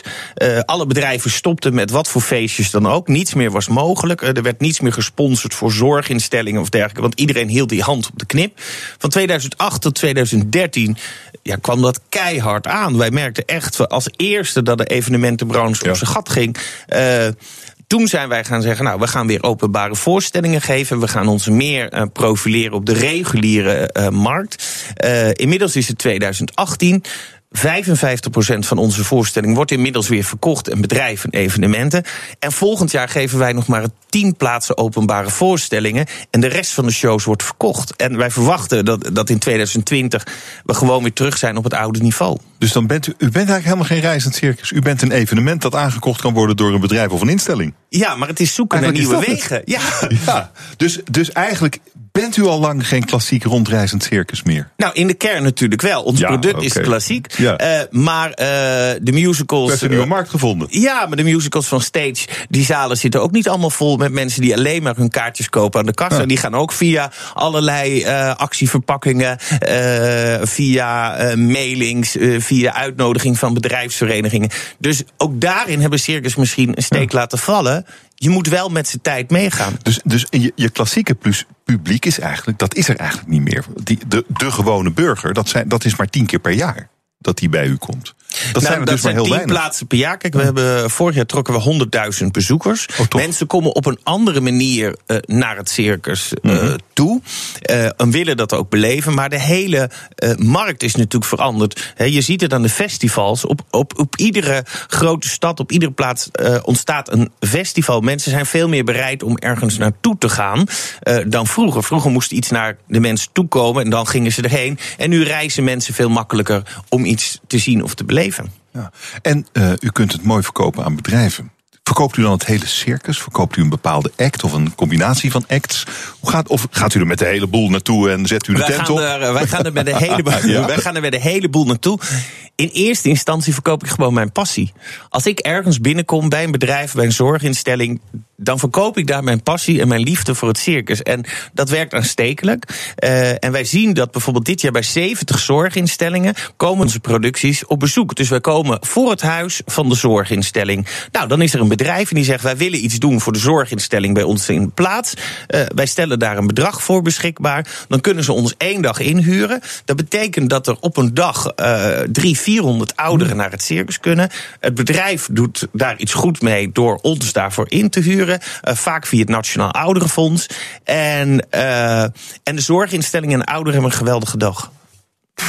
Zo doe je dat, een succesvol circusrunnen anno 2018. En zo meteen gaan we praten over die schitterende jas die u heeft meegenomen.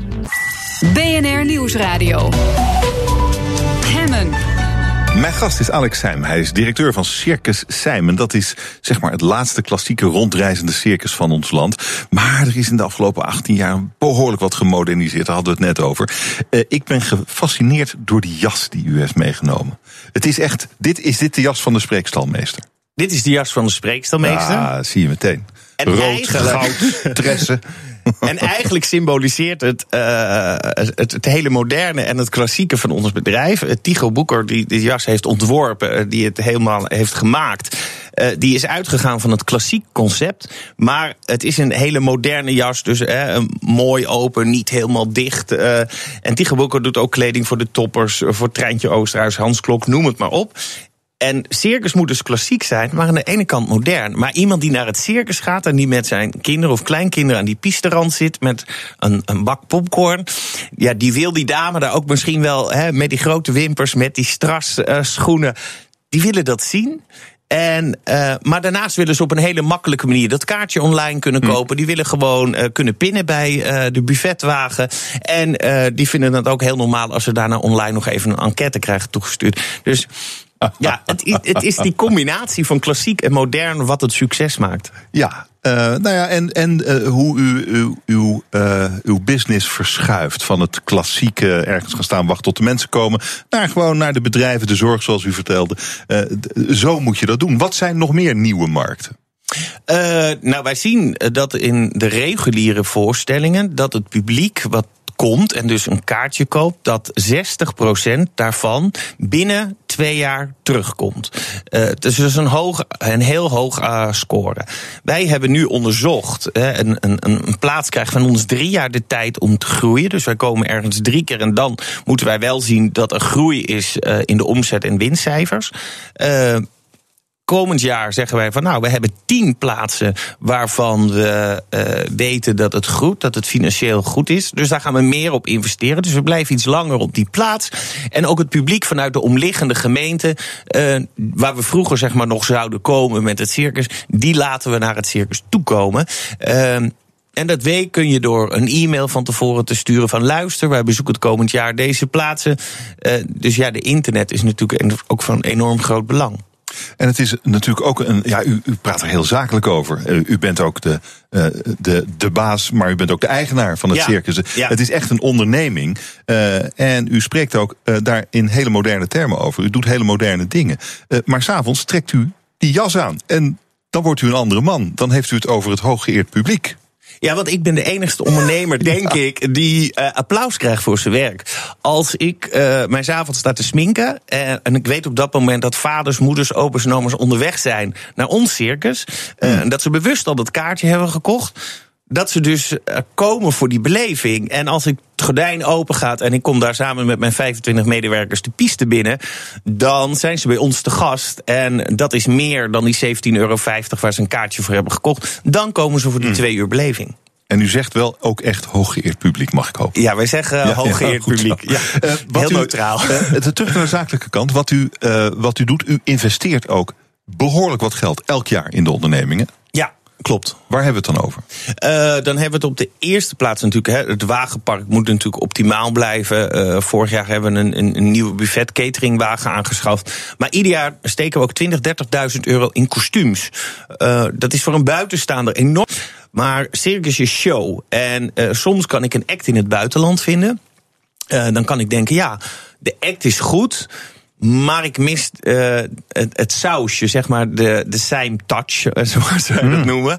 En dan zeggen we, ja, die act moet gestyled worden. Samen met ons artistieke team, hè, we hebben een regisseur, we hebben een choreograaf en met drie kostuumontwerpers. Daarmee gaan wij in september op tafel zitten. En dan zeggen we, deze act is mooi, maar moet in die stijl.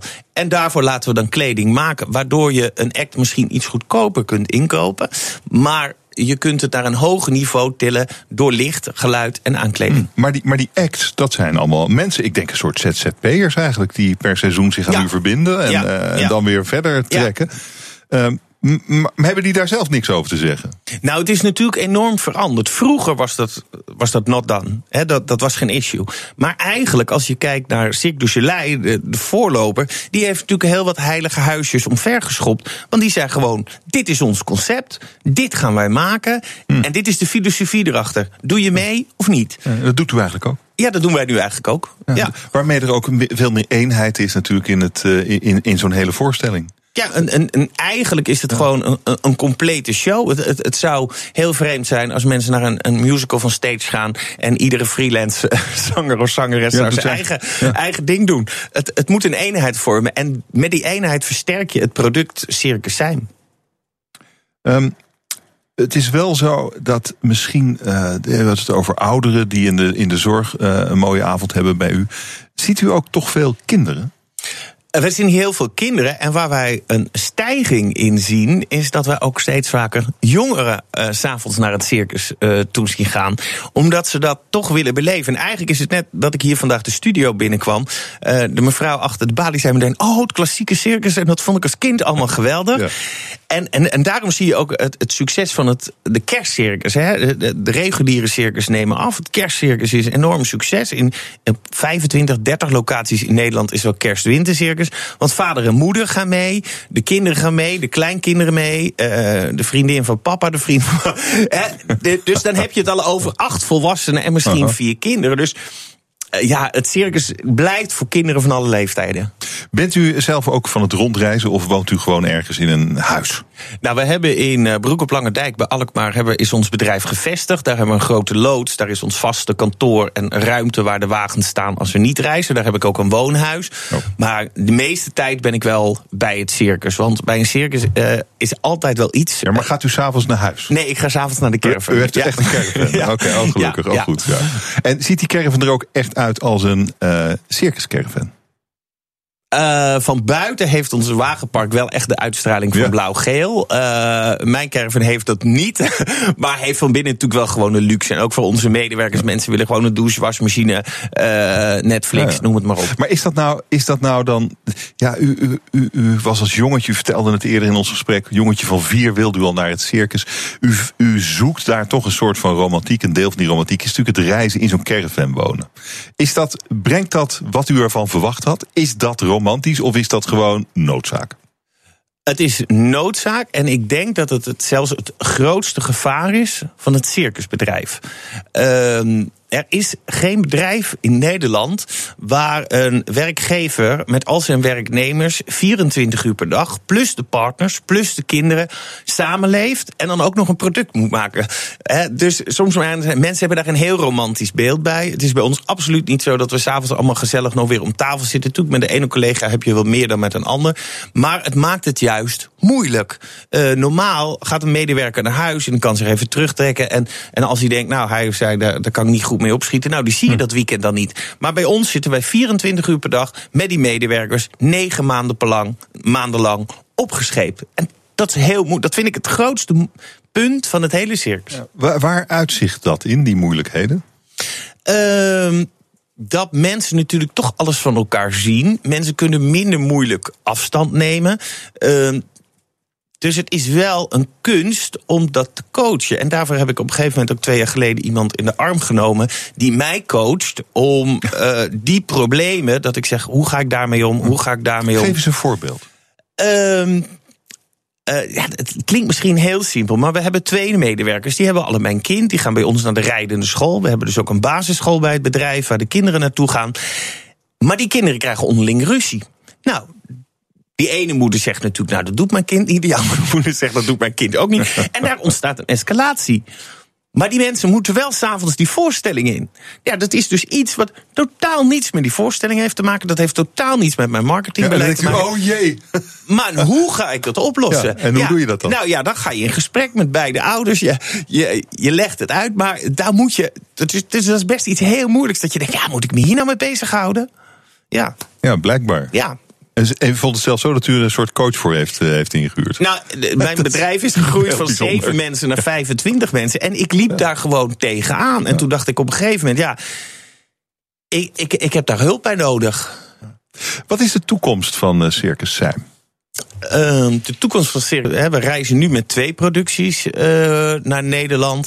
Ik denk dat wij eh, de komende jaren. Of, eh, wij gaan ons de komende jaren vooral richten op het verkopen van voorstellingen aan bedrijven. Dat biedt natuurlijk ook zekerheid eh, in het, in het managementplan en, en in het ondernemerschap. Daarnaast willen wij ons op een aantal locaties verder gaan toespitsen. Dat we zeggen, daar gaan we op, verder op inzetten. Welke? Het reizen zal dus minder worden. Worden. Ja. Welk, welke locaties? Uh, wij zitten voornamelijk in Noord-Holland, uh, Zuid-Holland, Flevoland. Omdat we daar ook met uh, Deen supermarkten een enorme verbinding hebben qua samenwerking. Hoe ziet dat eruit dan? Nou, dat mensen boodschappen doen bij deze supermarkt. En bij besteding van 15 euro krijgen ze het tweede kaartje gratis. En zo hebben we ook een samenwerking hm. met, met het Noord-Hollands Dagblad. Dus, en dat zijn vaste partners, een publiek wat ons kent. En daarin zien we nog heel veel groeimogelijkheden. Ja, okay. Ik zou eerder denken dat u misschien wel uh, naar België of Duitsland zou willen gaan. Als, daar is natuurlijk diezelfde traditie als, als zoals wij die hadden.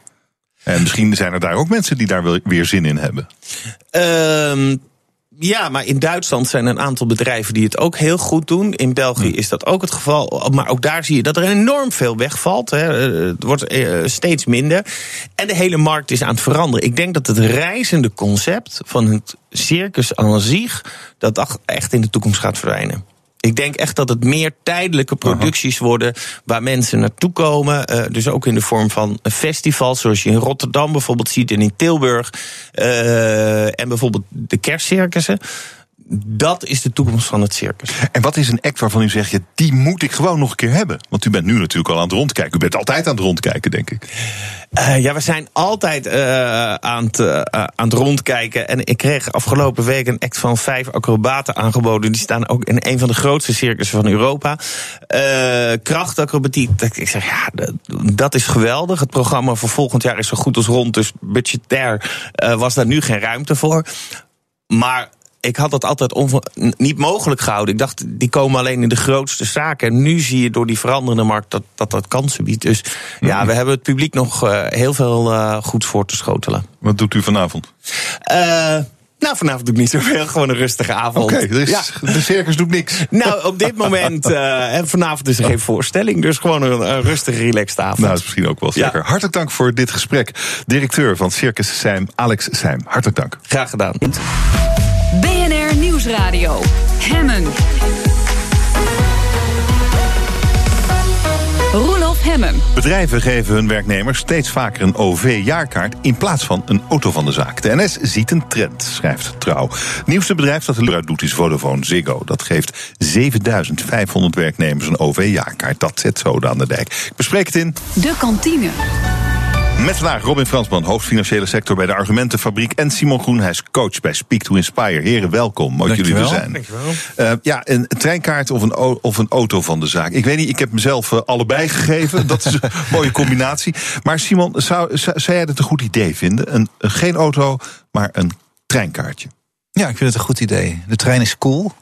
Ik reed laatst nog met een chuderantje en een krantje in de trein met 150 km per uur langs een dikke file op de Heerlijk, A10. En dat, ja, dat, dat, dat wil je natuurlijk. Maar ik moet toegeven dat eh, de auto is soms net sneller. En dan neem ik toch de auto. Dus er ligt nog wel wat werk. Ja, ik vind dat de auto soms drie keer zo snel is. En uh, de drie keer zo comfortabel. Het is, de trein is nog niet echt een match voor de auto, hè Robin? Nou, voor heel veel bestemmingen wel, maar voor heel ja. veel bestemmingen ook niet. Het beste wat je kan doen is gewoon een beetje combineren. Soms de trein, ja. soms de auto, afhankelijk van waar je bent mm. en waar je naartoe moet. Uh, en ik denk dat we tussen trein en auto, daar zou uh, een hele goede metro's uh, moeten liggen. en die ontbreken nog gewoon. Dat betekent gewoon dat we dat, ja, de trein is toch gewoon beperkt tot de grote steden en daar het centrum van. En zodra je in wat kleinere plaatsen komt, of in de plaatsen om die grote steden heen, is de auto ja, misschien wel drie keer sneller dan zoals jij ook zegt. Ja, het, is, het is eigenlijk nog niet af, ons OV-systeem. nee, het is, ja. het, is, het, is, het is zeker nog niet af. En op de een of andere mm. reden uh, willen we er blijkbaar niet echt in investeren. Maar hoe, hoe gaan die. Vodafone zeker 7500. Er zijn toch ook mensen die gewoon een auto nodig hebben. Hoe gaan ze dat doen? Dat kost zo verschrikkelijk veel tijd als je overal met de trein heen zou moeten. Ja, ja. ik weet niet, het is 7.500 mensen, dat lijkt wel gewoon het hele personeel. Dus ik weet niet of het per se een vervanging uh, voor de auto is. Oh. Misschien is het wel gewoon een vervanging oh, voor extra. reiskosten. Gewoon extra. Ja, gewoon extra als vervanging voor reiskosten. Hebben ze die administratie niet meer. Iedereen een OV-kaart en dan uh, is het gelijk klaar. Ja, oké. Okay, nou goed. Ik, uh, het, ik vind het wel mooi, want dit geeft de NS ook weer een extra impuls. Meer treinen, doen nog meer je best. Ik ja, ben eigenlijk gewoon... best een fan geworden van de NS de laatste jaren. Uh, ik wil ook met jullie praten over iets anders. Dit is een heel moeilijk onderwerp. We hebben er lang over nagedacht of we het moesten doen. Het gaat over PVV-politica Willy Dille. Uh, zij kwam begin deze week met een, een filmpje op haar Facebook-site waarin ze zei dat ze was mishandeld en verkracht door een groep mis moslims. Ehm, dat was nou ja, best uh, opvallend. En nu is ze overleden. Um, er is heel veel uh, rumoer over, natuurlijk. Dit is een hele opmerkelijke zaak. Wat maak jij ervan, Simon? Nou ja, het, is, het klinkt allemaal heel heftig. En ook wel dat ja, het natuurlijk nog heel onduidelijk is wat de feiten zijn. En ja, dat je dat eerst wil weten of zo. Hè. Er roept natuurlijk heel veel vragen op van wat is er precies gebeurd. En is, is het waar? Maar wat ik wel heel mooi vond, was het artikel van uh, Omroep West, wat ik hier voor me heb. Want ze hadden commentaar van de hoofdredacteur van. Uh, ja, ja, want ze hadden kennelijk ja. uh, ook commentaar gekregen al op de manier waarop het naar buiten was gebracht. En ze geven in dit artikel eigenlijk heel mooi heel open beeld van, van wat, er, ja, wat er met zichzelf, wat er bij hun gebeurde, hoe moeilijk ze het vonden om ermee om te gaan. En daar geven ze een inkijkje in hoe lastig dat is. Want ze wilden recht doen aan het slachtoffer, om zo maar te zeggen, maar ook recht doen aan de journalistiek, recht doen aan alle partijen. En, en ja, wat een spagaat dat is als journalist. Nou, um, de grote discussie is hier natuurlijk: uh, ga je dit brengen of moet je iemand tegen zichzelf in bescherming nemen? Hebben, vind jij dat ze het goed gedaan hebben door toch gewoon te publiceren over dat filmpje, over haar overlijden? Ja, vind ik heel moeilijk uh, te zeggen. Ik denk dat je dat eigenlijk pas achteraf uh, weet. Dus ja, ik weet niet wat ik zou doen als ik, als ik hun was. Kijk, zij zei, het heeft natuurlijk ook heel veel. Het heeft zoveel algemene en publieke aspecten.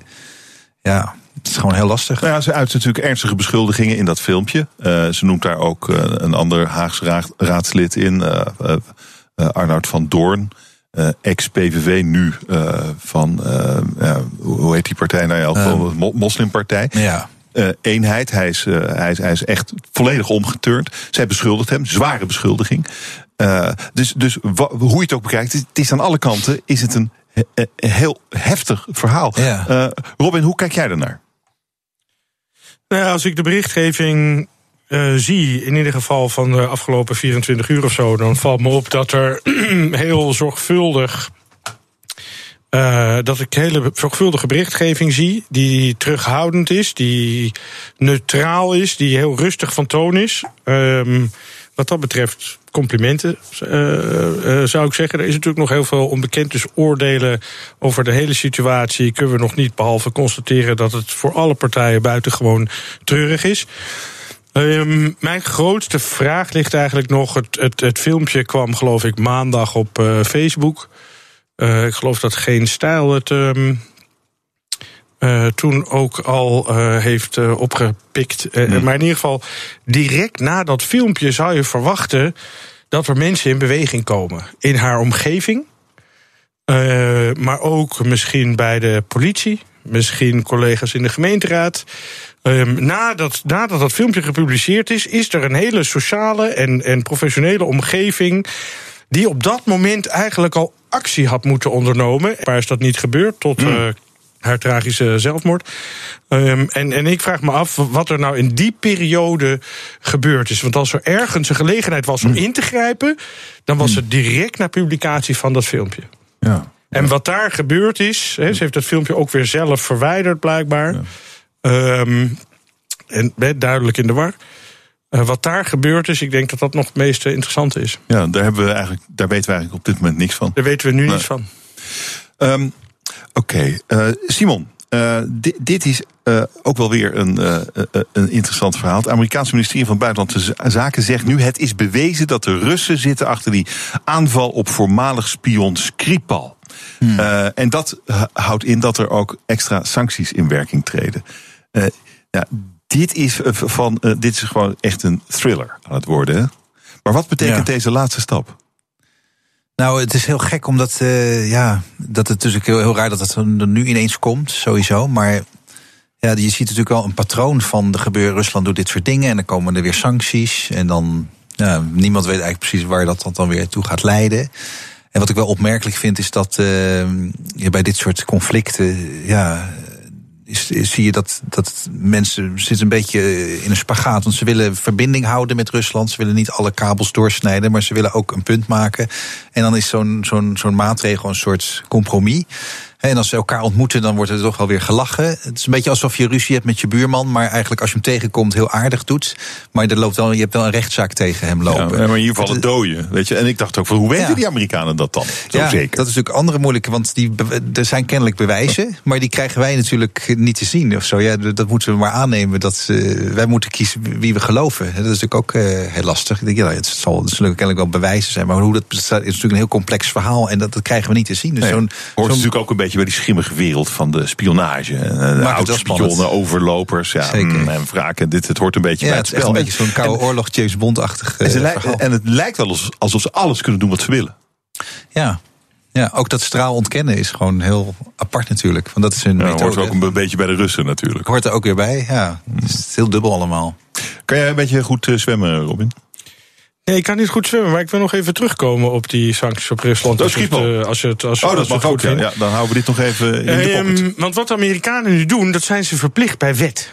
Eh, er is een wet eh, en die zegt in de Verenigde Staten dat op het moment dat landen chemische wapens inzetten, dat er ook onmiddellijk sancties moeten volgen. Dus het enige wat daarvoor nodig is, is de constatering dat het land chemische wapens heeft ingezet. Nou, dat hebben ze dus gisteren gedaan. Ehm, ehm, dan moeten ze onmiddellijk die sancties opleggen. Maar dan volgt 90 dagen later moeten ze nog zwaardere sancties opleggen. Dus als Rusland nu voet bij stuk houdt en zegt: wij waren het niet, we hebben niks gedaan, we hebben er niks mee te maken, dan volgen er dus over drie maanden weer nieuwe, nog zwaardere sancties van de Verenigde Staten op eh, Rusland. Dus dat kan nu alvast in de agenda hier bij BNR, 90 dagen van nu. Ehm, want dan moeten er dus zwaardere sancties komen. Dus dit wordt nog heel interessant hoe dit verder gaat. Zeker aangezien Trump ook gisteren een brief heeft gestuurd aan Vladimir. Waarvan we niet weten wat erin staat. Dus dat is dan weer, weer, weer spannend. Jammer. Eh, dan eh, dat zwemmen. Ja, ik, eh, ik, ik, ik vraag het, want de reddingsbrigade zegt... wij kunnen eigenlijk onvoldoende goed zwemmen. En dat uitzicht nu in het aantal verdrinkingen. Elk weekend zijn er wel een paar. Reddingsbrigade Nederland maakt zich daar grote zorgen over. En zij zeggen, wij eh, kunnen het blijkbaar niet goed genoeg. Het komt ook omdat we eh, ons niet voorbereiden tijdens, tijdens onze jeugd... op die situaties waar men- nu mensen in verdrinken. Dus in zee, in de rivier, plotselinge diepte, kou opeens in het water... Vind je het een flauwekul? Of ja, je vindt het flauwekul? Ik zie Ik vind het flauwekul, ik vind het echt flauwekul. Ja. Ja, ik vind het echt flauwekul. Nee, straks, eh, God, straks krijgen moet je verplicht naar een zwemschool en dan een zwembewijs en dan pas mag je het water in. Er is gewoon een einde aan de. eh, er is een einde aan de betutteling, dus eh, we doen lekker niks. Mensen hun eigen verantwoordelijkheid. Wees voorzichtig. Ga niet te diep, ga niet te lang. En eh, dan komt het allemaal goed. Ja. Nou ja, ik denk dat dit, wat, precies wat je nu zegt, dat, moet je, dat kan toch mooi in een soort sierenachtige campagne. Net als met omgaan met vuurwerk. Mensen denken het zal wel meevallen. Zo denken ze ook van ach, zwemmen zal het wel niet zo moeilijk zijn. Ja, dus, eh, Daarentegen is- zou op zich de verplichting om vuurwerk alleen maar af te steken als je aan het zwemmen bent, wel een gunstige combinatie zijn. Op beide problemen bedoel ja, je? inderdaad. Mooi. Nou ja, in één keer. Het, is natuurlijk wel. Het, ik- hoor dit soort verhalen eigenlijk al eh, jaren sinds het schoolzwemmen is afgeschaft. Je leert gewoon ni- niet meer zwemmen als kind. Nou, ik, ik, ik heb drie kinderen. eh, Die, ik ben nu met de derde bezig met eh, zwemles. Zwemdiploma A gaat echt veel verder dan, dan wat wij vroeger hadden. Wat ik zelf heb gedaan bij zwemdiploma A. Dus de, de basis is wat dat betreft. Eh, eh, echt wel, echt wel eh, in orde. En dan kan je natuurlijk nog voor B, wat dan weinig voorstelt, en C zit dan de reddingszwem en alles in.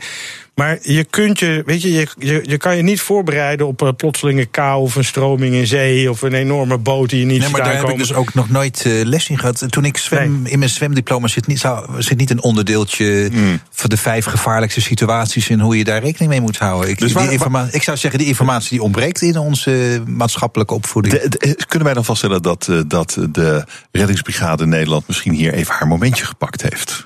Absoluut. Ja, dat zou zomaar kunnen. Op zich is het wel aardig om misschien een zomerserie te wijden aan gevaren die je wist dat waren, maar die, waar we nooit genoeg rekening mee houden of zo. Mag je trouwens Steeds de meer Nederlanders los? zeggen: ik wil geen, geen donor zijn. We praten er zo over verder in. BNR Nieuwsradio. Je luistert naar de kantine, wij hebben het over het nieuws van de dag. En ik denk dat Jurgen Rijman dat straks ook gaat doen. Waar gaat het over in We gaan het vandaag over cosmetica hebben. Eh, Het blijkt dat eh, uit cijfers van het CBS dat wij Nederlanders meer geld uitgeven aan parfums, shampoo, lippenstift, bodylotion, make-up, anti-rimpelcrème, noem maar op, al dat gedoe. Wij niet. Wij niet? Jij wel? Oh ja, ik ben echt van de crèmpjes. Ja. Het maakt geen fuck uit. het is een soort van dat ik mezelf een beetje voor de gek hou. Maar ik vind het wel, ik heb echt, eh, ik gebruik regelmatig anti-rimpelcrème. Toen kwam ik erachter dat ik gewoon een donkere huid heb en black don't crack. Dus ik heb het eigenlijk niet Nee. nodig. Maar het geeft, het geeft je wel het gevoel, het geeft je wel het gevoel dat je het ergens voor doet. Maar het, het wordt steeds meer gebruikt. En daar gaan we het over hebben vandaag. De zin en de onzin van cosmetica. Hmm. Eh, er komen ook steeds meer Nederlandse cosmetica bedrijven erbij. Sommigen die koppelen hun product ook allemaal aan een goed doel. Eh, wat, ja, wat, wat, wat voor zin heeft het eigenlijk, eh, die crèmes die we gebruiken? En eh, is het echt zo dat als ik een bepaalde parfum of een bepaalde oxels, eh, hoe heet het weer, deodorant gebruik, dat ik echt jonge vrouwen om me heen krijg fladderen meteen.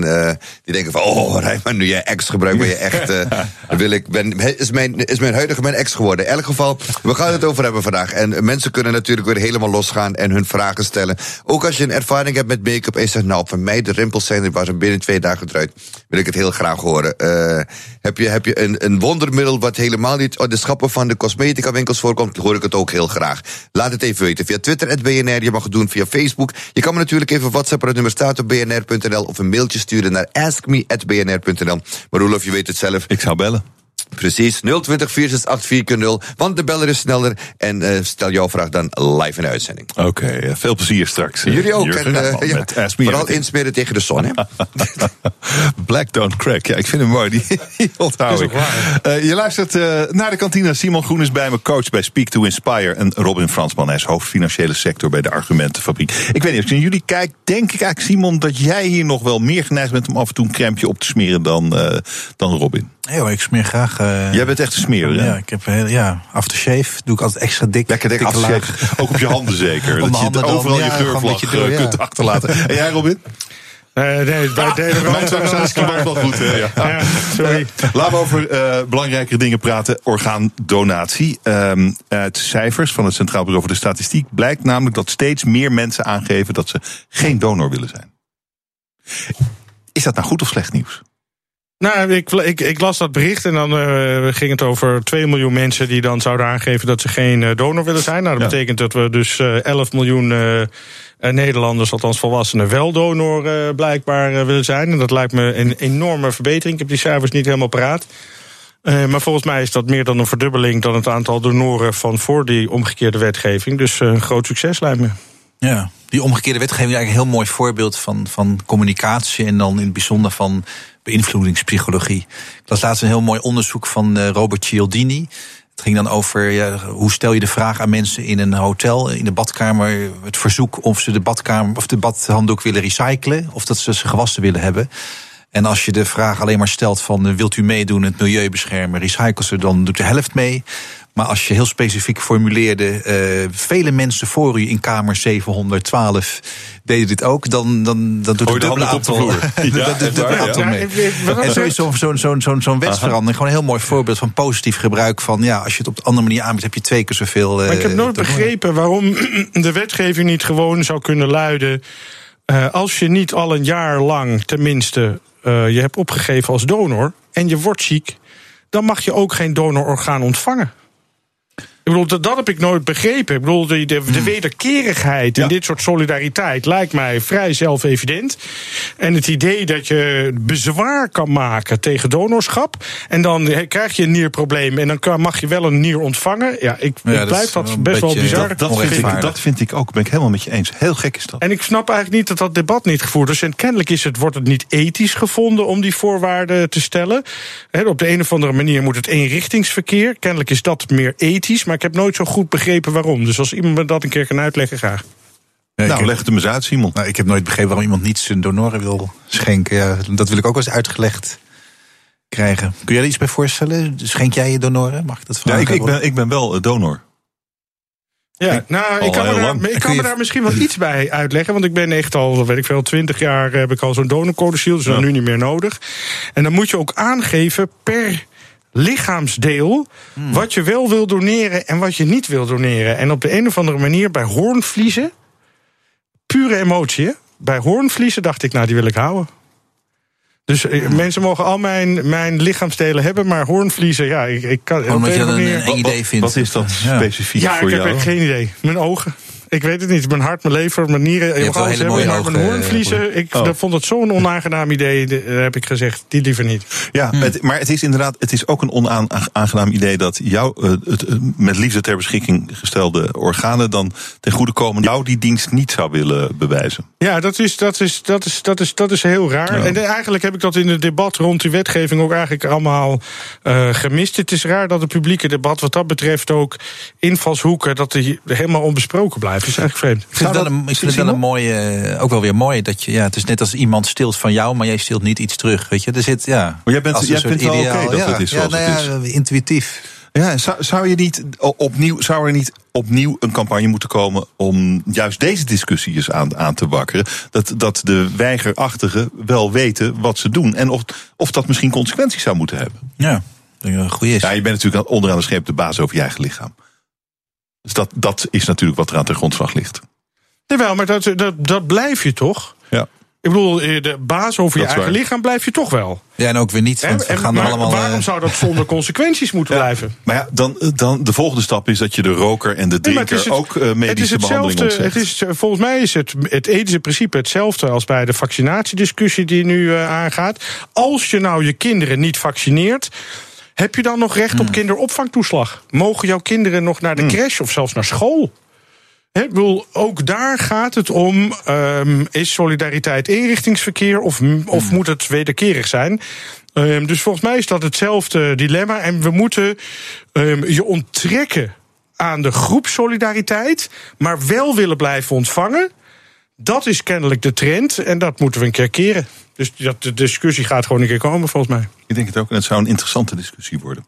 Eh, luchtvaartmaatschappijen hebben tekort aan piloten. En wat eh, doet nou de KLM? Eh, volgens de Telegraaf, die kaapt vliegers weg bij bijvoorbeeld TUI of Corendon. Een luchtslag, slecht de Telegraaf. Eh, nou ja, ik dacht eigenlijk wel logisch. Eh, eh, ik dacht eigenlijk dat die piloten nog steeds zielig waren. En dat ze nauwelijks aan een baan konden komen. Maar blijkbaar is er een gevecht, een luchtslag over de piloten gaande. Ja, ik had precies hetzelfde. Dat, het laatste bericht die ik me herinner was dat de piloten geen werk hadden. Maar nu is het helemaal omgedraaid en kunnen ze alles vragen. En er moeten 800.000 piloten bij de komende Ja, wat is er gebeurd? In dit, wat is nog niet zo lang geleden dat ze moord Nou, brand mensen gaan meer vliegen, hè. dat gaat maar door. Dat is een heel groot probleem en daar zie je nu steeds meer discussies over. Dus Mhm. Vliegen staan nu echt hoog op de agenda. Mensen gaan zich nu hardop afvragen van... ja, waarom vliegen we eigenlijk zoveel? Want dat draagt natuurlijk enorm bij aan Maar dit overal CO2-uitstoot. We zien, we zien het natuurlijk ook al. We zien het al bij eh, het vrachtwagentransport. We zien het al in de zorg. We gaan het zien in het onderwijs. In het onderwijs in de grote speelde, eh, speelt het natuurlijk al. Een totaal gebrek aan strategische eh, arbeidsplanning of personeelsplanning bij het bedrijfsleven. Dat betekent dus grote arbeidstekorten. Dat betekent enorme opwaartse druk op de lonen. En ik zeg hoera, hoera, hoera. Meer, meer, meer. Ehm, want het wordt ook een keer tijd dat, eh, eh, dat die lonen omhoog gaan. En dat het bedrijfsleven ook gewoon de pijn voelt van het gebrek aan strategische lange termijn planning. Dat over, de, het, over, de, over het hek dumpen bij de overheid. Kun jij het even oplossen? Daar moet ook maar eens een keer een eind aan komen. Ja, wie gaat er dus over het bedrijfsleven onderwijs moet gewoon meer land? betalen. Waaraan dan? Aan personeel. Maar wie, wie moet er voor meer personeel zorgen? Het bedrijfsleven, zeg je. Nee, de onderwijsinstellingen zelf. Dat Ja, zijn nog en- steeds private instellingen. En die hebben gewoon een eigen verantwoordelijkheid. Ja, maar nu gooi je het bij, bij, bij de werkgevers op hun bordje. Ja. ja. Maar dat is dan toch ook niet eerlijk? Waarom, ik snap niet waarom, waarom dat niet eerlijk is. We- we- Werkgevers zijn degene die gewoon de toekomst moeten plannen. Dat doet de overheid niet. We hebben geen staatseconomie, we hebben geen planbureau. Maar ja, dit is met ook een- een voorbeeld van- van hoe dus je de als toekomst personeel niet kan wil, plannen. Dan moet je gewoon meer betalen. Je kunt de toekomst niet het. plannen. En dat, daar, ik vind het ook een Het kan voorbeeld van niet dat zijn je... dat we een markt hebben van vraag en aanbod. En als de lonen lekker laag zijn, dan is het ja, dat is de markt. En als er ineens krapt is en de lonen moeten omhoog, dan moet ineens de overheid gaan Ja, ingrijpen. Dat lijkt me gek. Maar het probleem is bijvoorbeeld met de zorg. Ik zag van de week ook eh, een bericht over sommige verpleegkundigen krijgen enorme bonussen en, eh, en eh, opslag op hun salaris. Als ze maar bij een ziekenhuis willen blijven, omdat het schaars is. Dus die betalen wel meer. Ehm, eh, maar, Maar het, grote probleem wat eronder ligt, is gewoon er komen te weinig opgeleide mensen van die opleiding. Nou, af. dat is niet helemaal waar. hè. In de zorg werken mensen gemiddeld 24 uur. Dus dat is inclusief mensen die voltijds in de zorg werken. Maar ge- het gemiddelde is 24 uur. Oh, Als we het gemiddelde in de zorg kunnen brengen van 24 uur per week naar 28 uur per week, dan zijn alle personeelstekorten in de zorg voorbij. En waarom willen mensen dat niet? Het is natuurlijk zwaar werk, hè? Maar, maar wat gewoon heel veel voorkomt. Mensen zien die marginale belastingdruk. Hè, die is voor deze beroepen. Hè, die zitten met inkomensafhankelijke arbeidskorting. en al het andere geleuter van de rondpompmachine. Die hebben een marginale belastingdruk van 60% Dus van elke extra euro houden ze 40 cent over. Dus die zeggen bij 24 uur: ik vind wel genoeg. Hmm. dus daar ligt de rol voor de overheid. Uh, reduceer die marginale belastingdruk. Uh, stimuleer iets meer werken dan die 24 uur. En alle personeelsproblemen zijn voorbij. Als het zo simpel is, waarom doen we dat dan niet? Omdat in Nederland, tot mijn grote verdriet, uh, het begrotingstekort, dat wil zeggen het begrotingsoverschot, alle andere belangen onderschuift. En daar moeten we een keer vanaf. Als we gewoon accepteren dat het overschot van 1% naar een half procent gaat, dan kunnen we die marginale belastingdruk morgen verlagen. Maar die 1% die is heilig, dat is hoger dan alle andere belangen. Nou, dan maar geen handen aan het bed. En het is dat begrotingsfetischisme uh, die maakt dat we eenvoudige problemen met eenvoudige oplossingen toch niet doen. En dat is buitengewoon treurig. Ik wil nog even naar uh, New York, Uber. Um, er was uh, deze week verontrustend nieuws uit New York. Taxichauffeurs plegen zelfmoord. Ze kunnen het niet meer aan. Er zijn veel te veel Ubers en dat soort dingen bijgekomen. Die traditionele taxichauffeurs die trekken het niet meer. Uh, nu gaat de gemeente New York een jaar lang geen vergunningen meer afgeven aan Uber-chauffeurs. Uh, hier uh, loopt dus die nieuwe ontwikkeling tegen zijn grenzen op, zou je kunnen zeggen. Wat, wat zie jij hier, Simon? Ja, nou dat is ook weer een mooi voorbeeld van een, een groot succesbedrijf. Uber in dit geval wat op een gegeven moment uh, zijn eigen gang gaat en groter wordt. En dan wordt het allemaal anders. En dan zijn de klanten bijvoorbeeld nog wel tevreden, maar de werknemers uh, niet. En dan moet je ingrijpen. Dat zag je ook bijvoorbeeld bij Amazon. Het bleek dat de werknemers er veel te hard werkten, s'nachts in fabrieken. Omdat iedereen uh, zijn pakje graag wil. Dus de klanten zijn tevreden bij die grote bedrijven. Maar ja, nu komt er steeds meer aandacht voor de, voor de werknemer. Dat is een goede zaak. Ik denk dat ze dat heel terecht dat ze daar ingrijpen. Is dat een goede zaak, Robin? Ja, ik denk, ik denk het wel. Ik, ik weet niet, ik zag. Um, uh, er komen ook steeds meer berichten dat uh, uh, dingen als autodelen, Uber, Lyft. Maar ik zag vandaag ook een berichtje met een, met een, een, een, een pizzabedrijf met de pizza-oven in een robot in het busje. Dus de pizza wordt onderweg gemaakt en wordt dan vers uit de oven bij je hmm. afgeleverd. Maar we hebben natuurlijk de pakketdiensten van, van Amazon en zo. Waar het uiteindelijk toe leidt, is meer files, meer vervuiling, meer wegverkeer. En minder ruimte dus uh, op straat. We, we, dachten allemaal, deelauto's, allemaal, weet je, hoera, want uh, eindelijk kunnen we al de parkeerplaatsen wegdoen en minder weg en et cetera. Uit onderzoek blijkt gewoon dat, dat, dat het de andere kant op gaat. Sta je achter een pizza En dat is ook logisch, hè, want uiteindelijk leidt het gewoon tot veel meer autobewegingen en ook tot veel meer lege autobewegingen. Um, dus uiteindelijk uh, zit daar denk ik de toekomst toch ook niet. Weet je, elektrisch rijden hmm. maakt natuurlijk wel ietsje beter. Um, uh, maar uiteindelijk uh, kom ik weer terug bij die metro. Um, uiteindelijk blijken heel veel van deze nieuwe ontwikkelingen en heel veel van deze nieuwe technologie nou, niet het walhalla op te leveren wat we in het vroeg mhm. stadium altijd denken. En dat blijkt nu ook weer. Uh, de cirkel is rond. Ik ga de kantine sluiten. Fijn dat jullie er waren. Robin Fransman, hoofd financiële sector bij de Argumentenfabriek. En Simon Groen, coach bij Speak to Inspire. Dank jullie zeer. Dankjewel. Dit was het voor vandaag. Morgen ben ik er weer. En dan is KRO-NCRV-topman Hans Laroes mijn gast. Met hem praat ik over de ruimte voor journalistieke programma's bij de publieke omroep. Dat morgen nu Jurgen Ruijman met Ask Me Anything. Dag.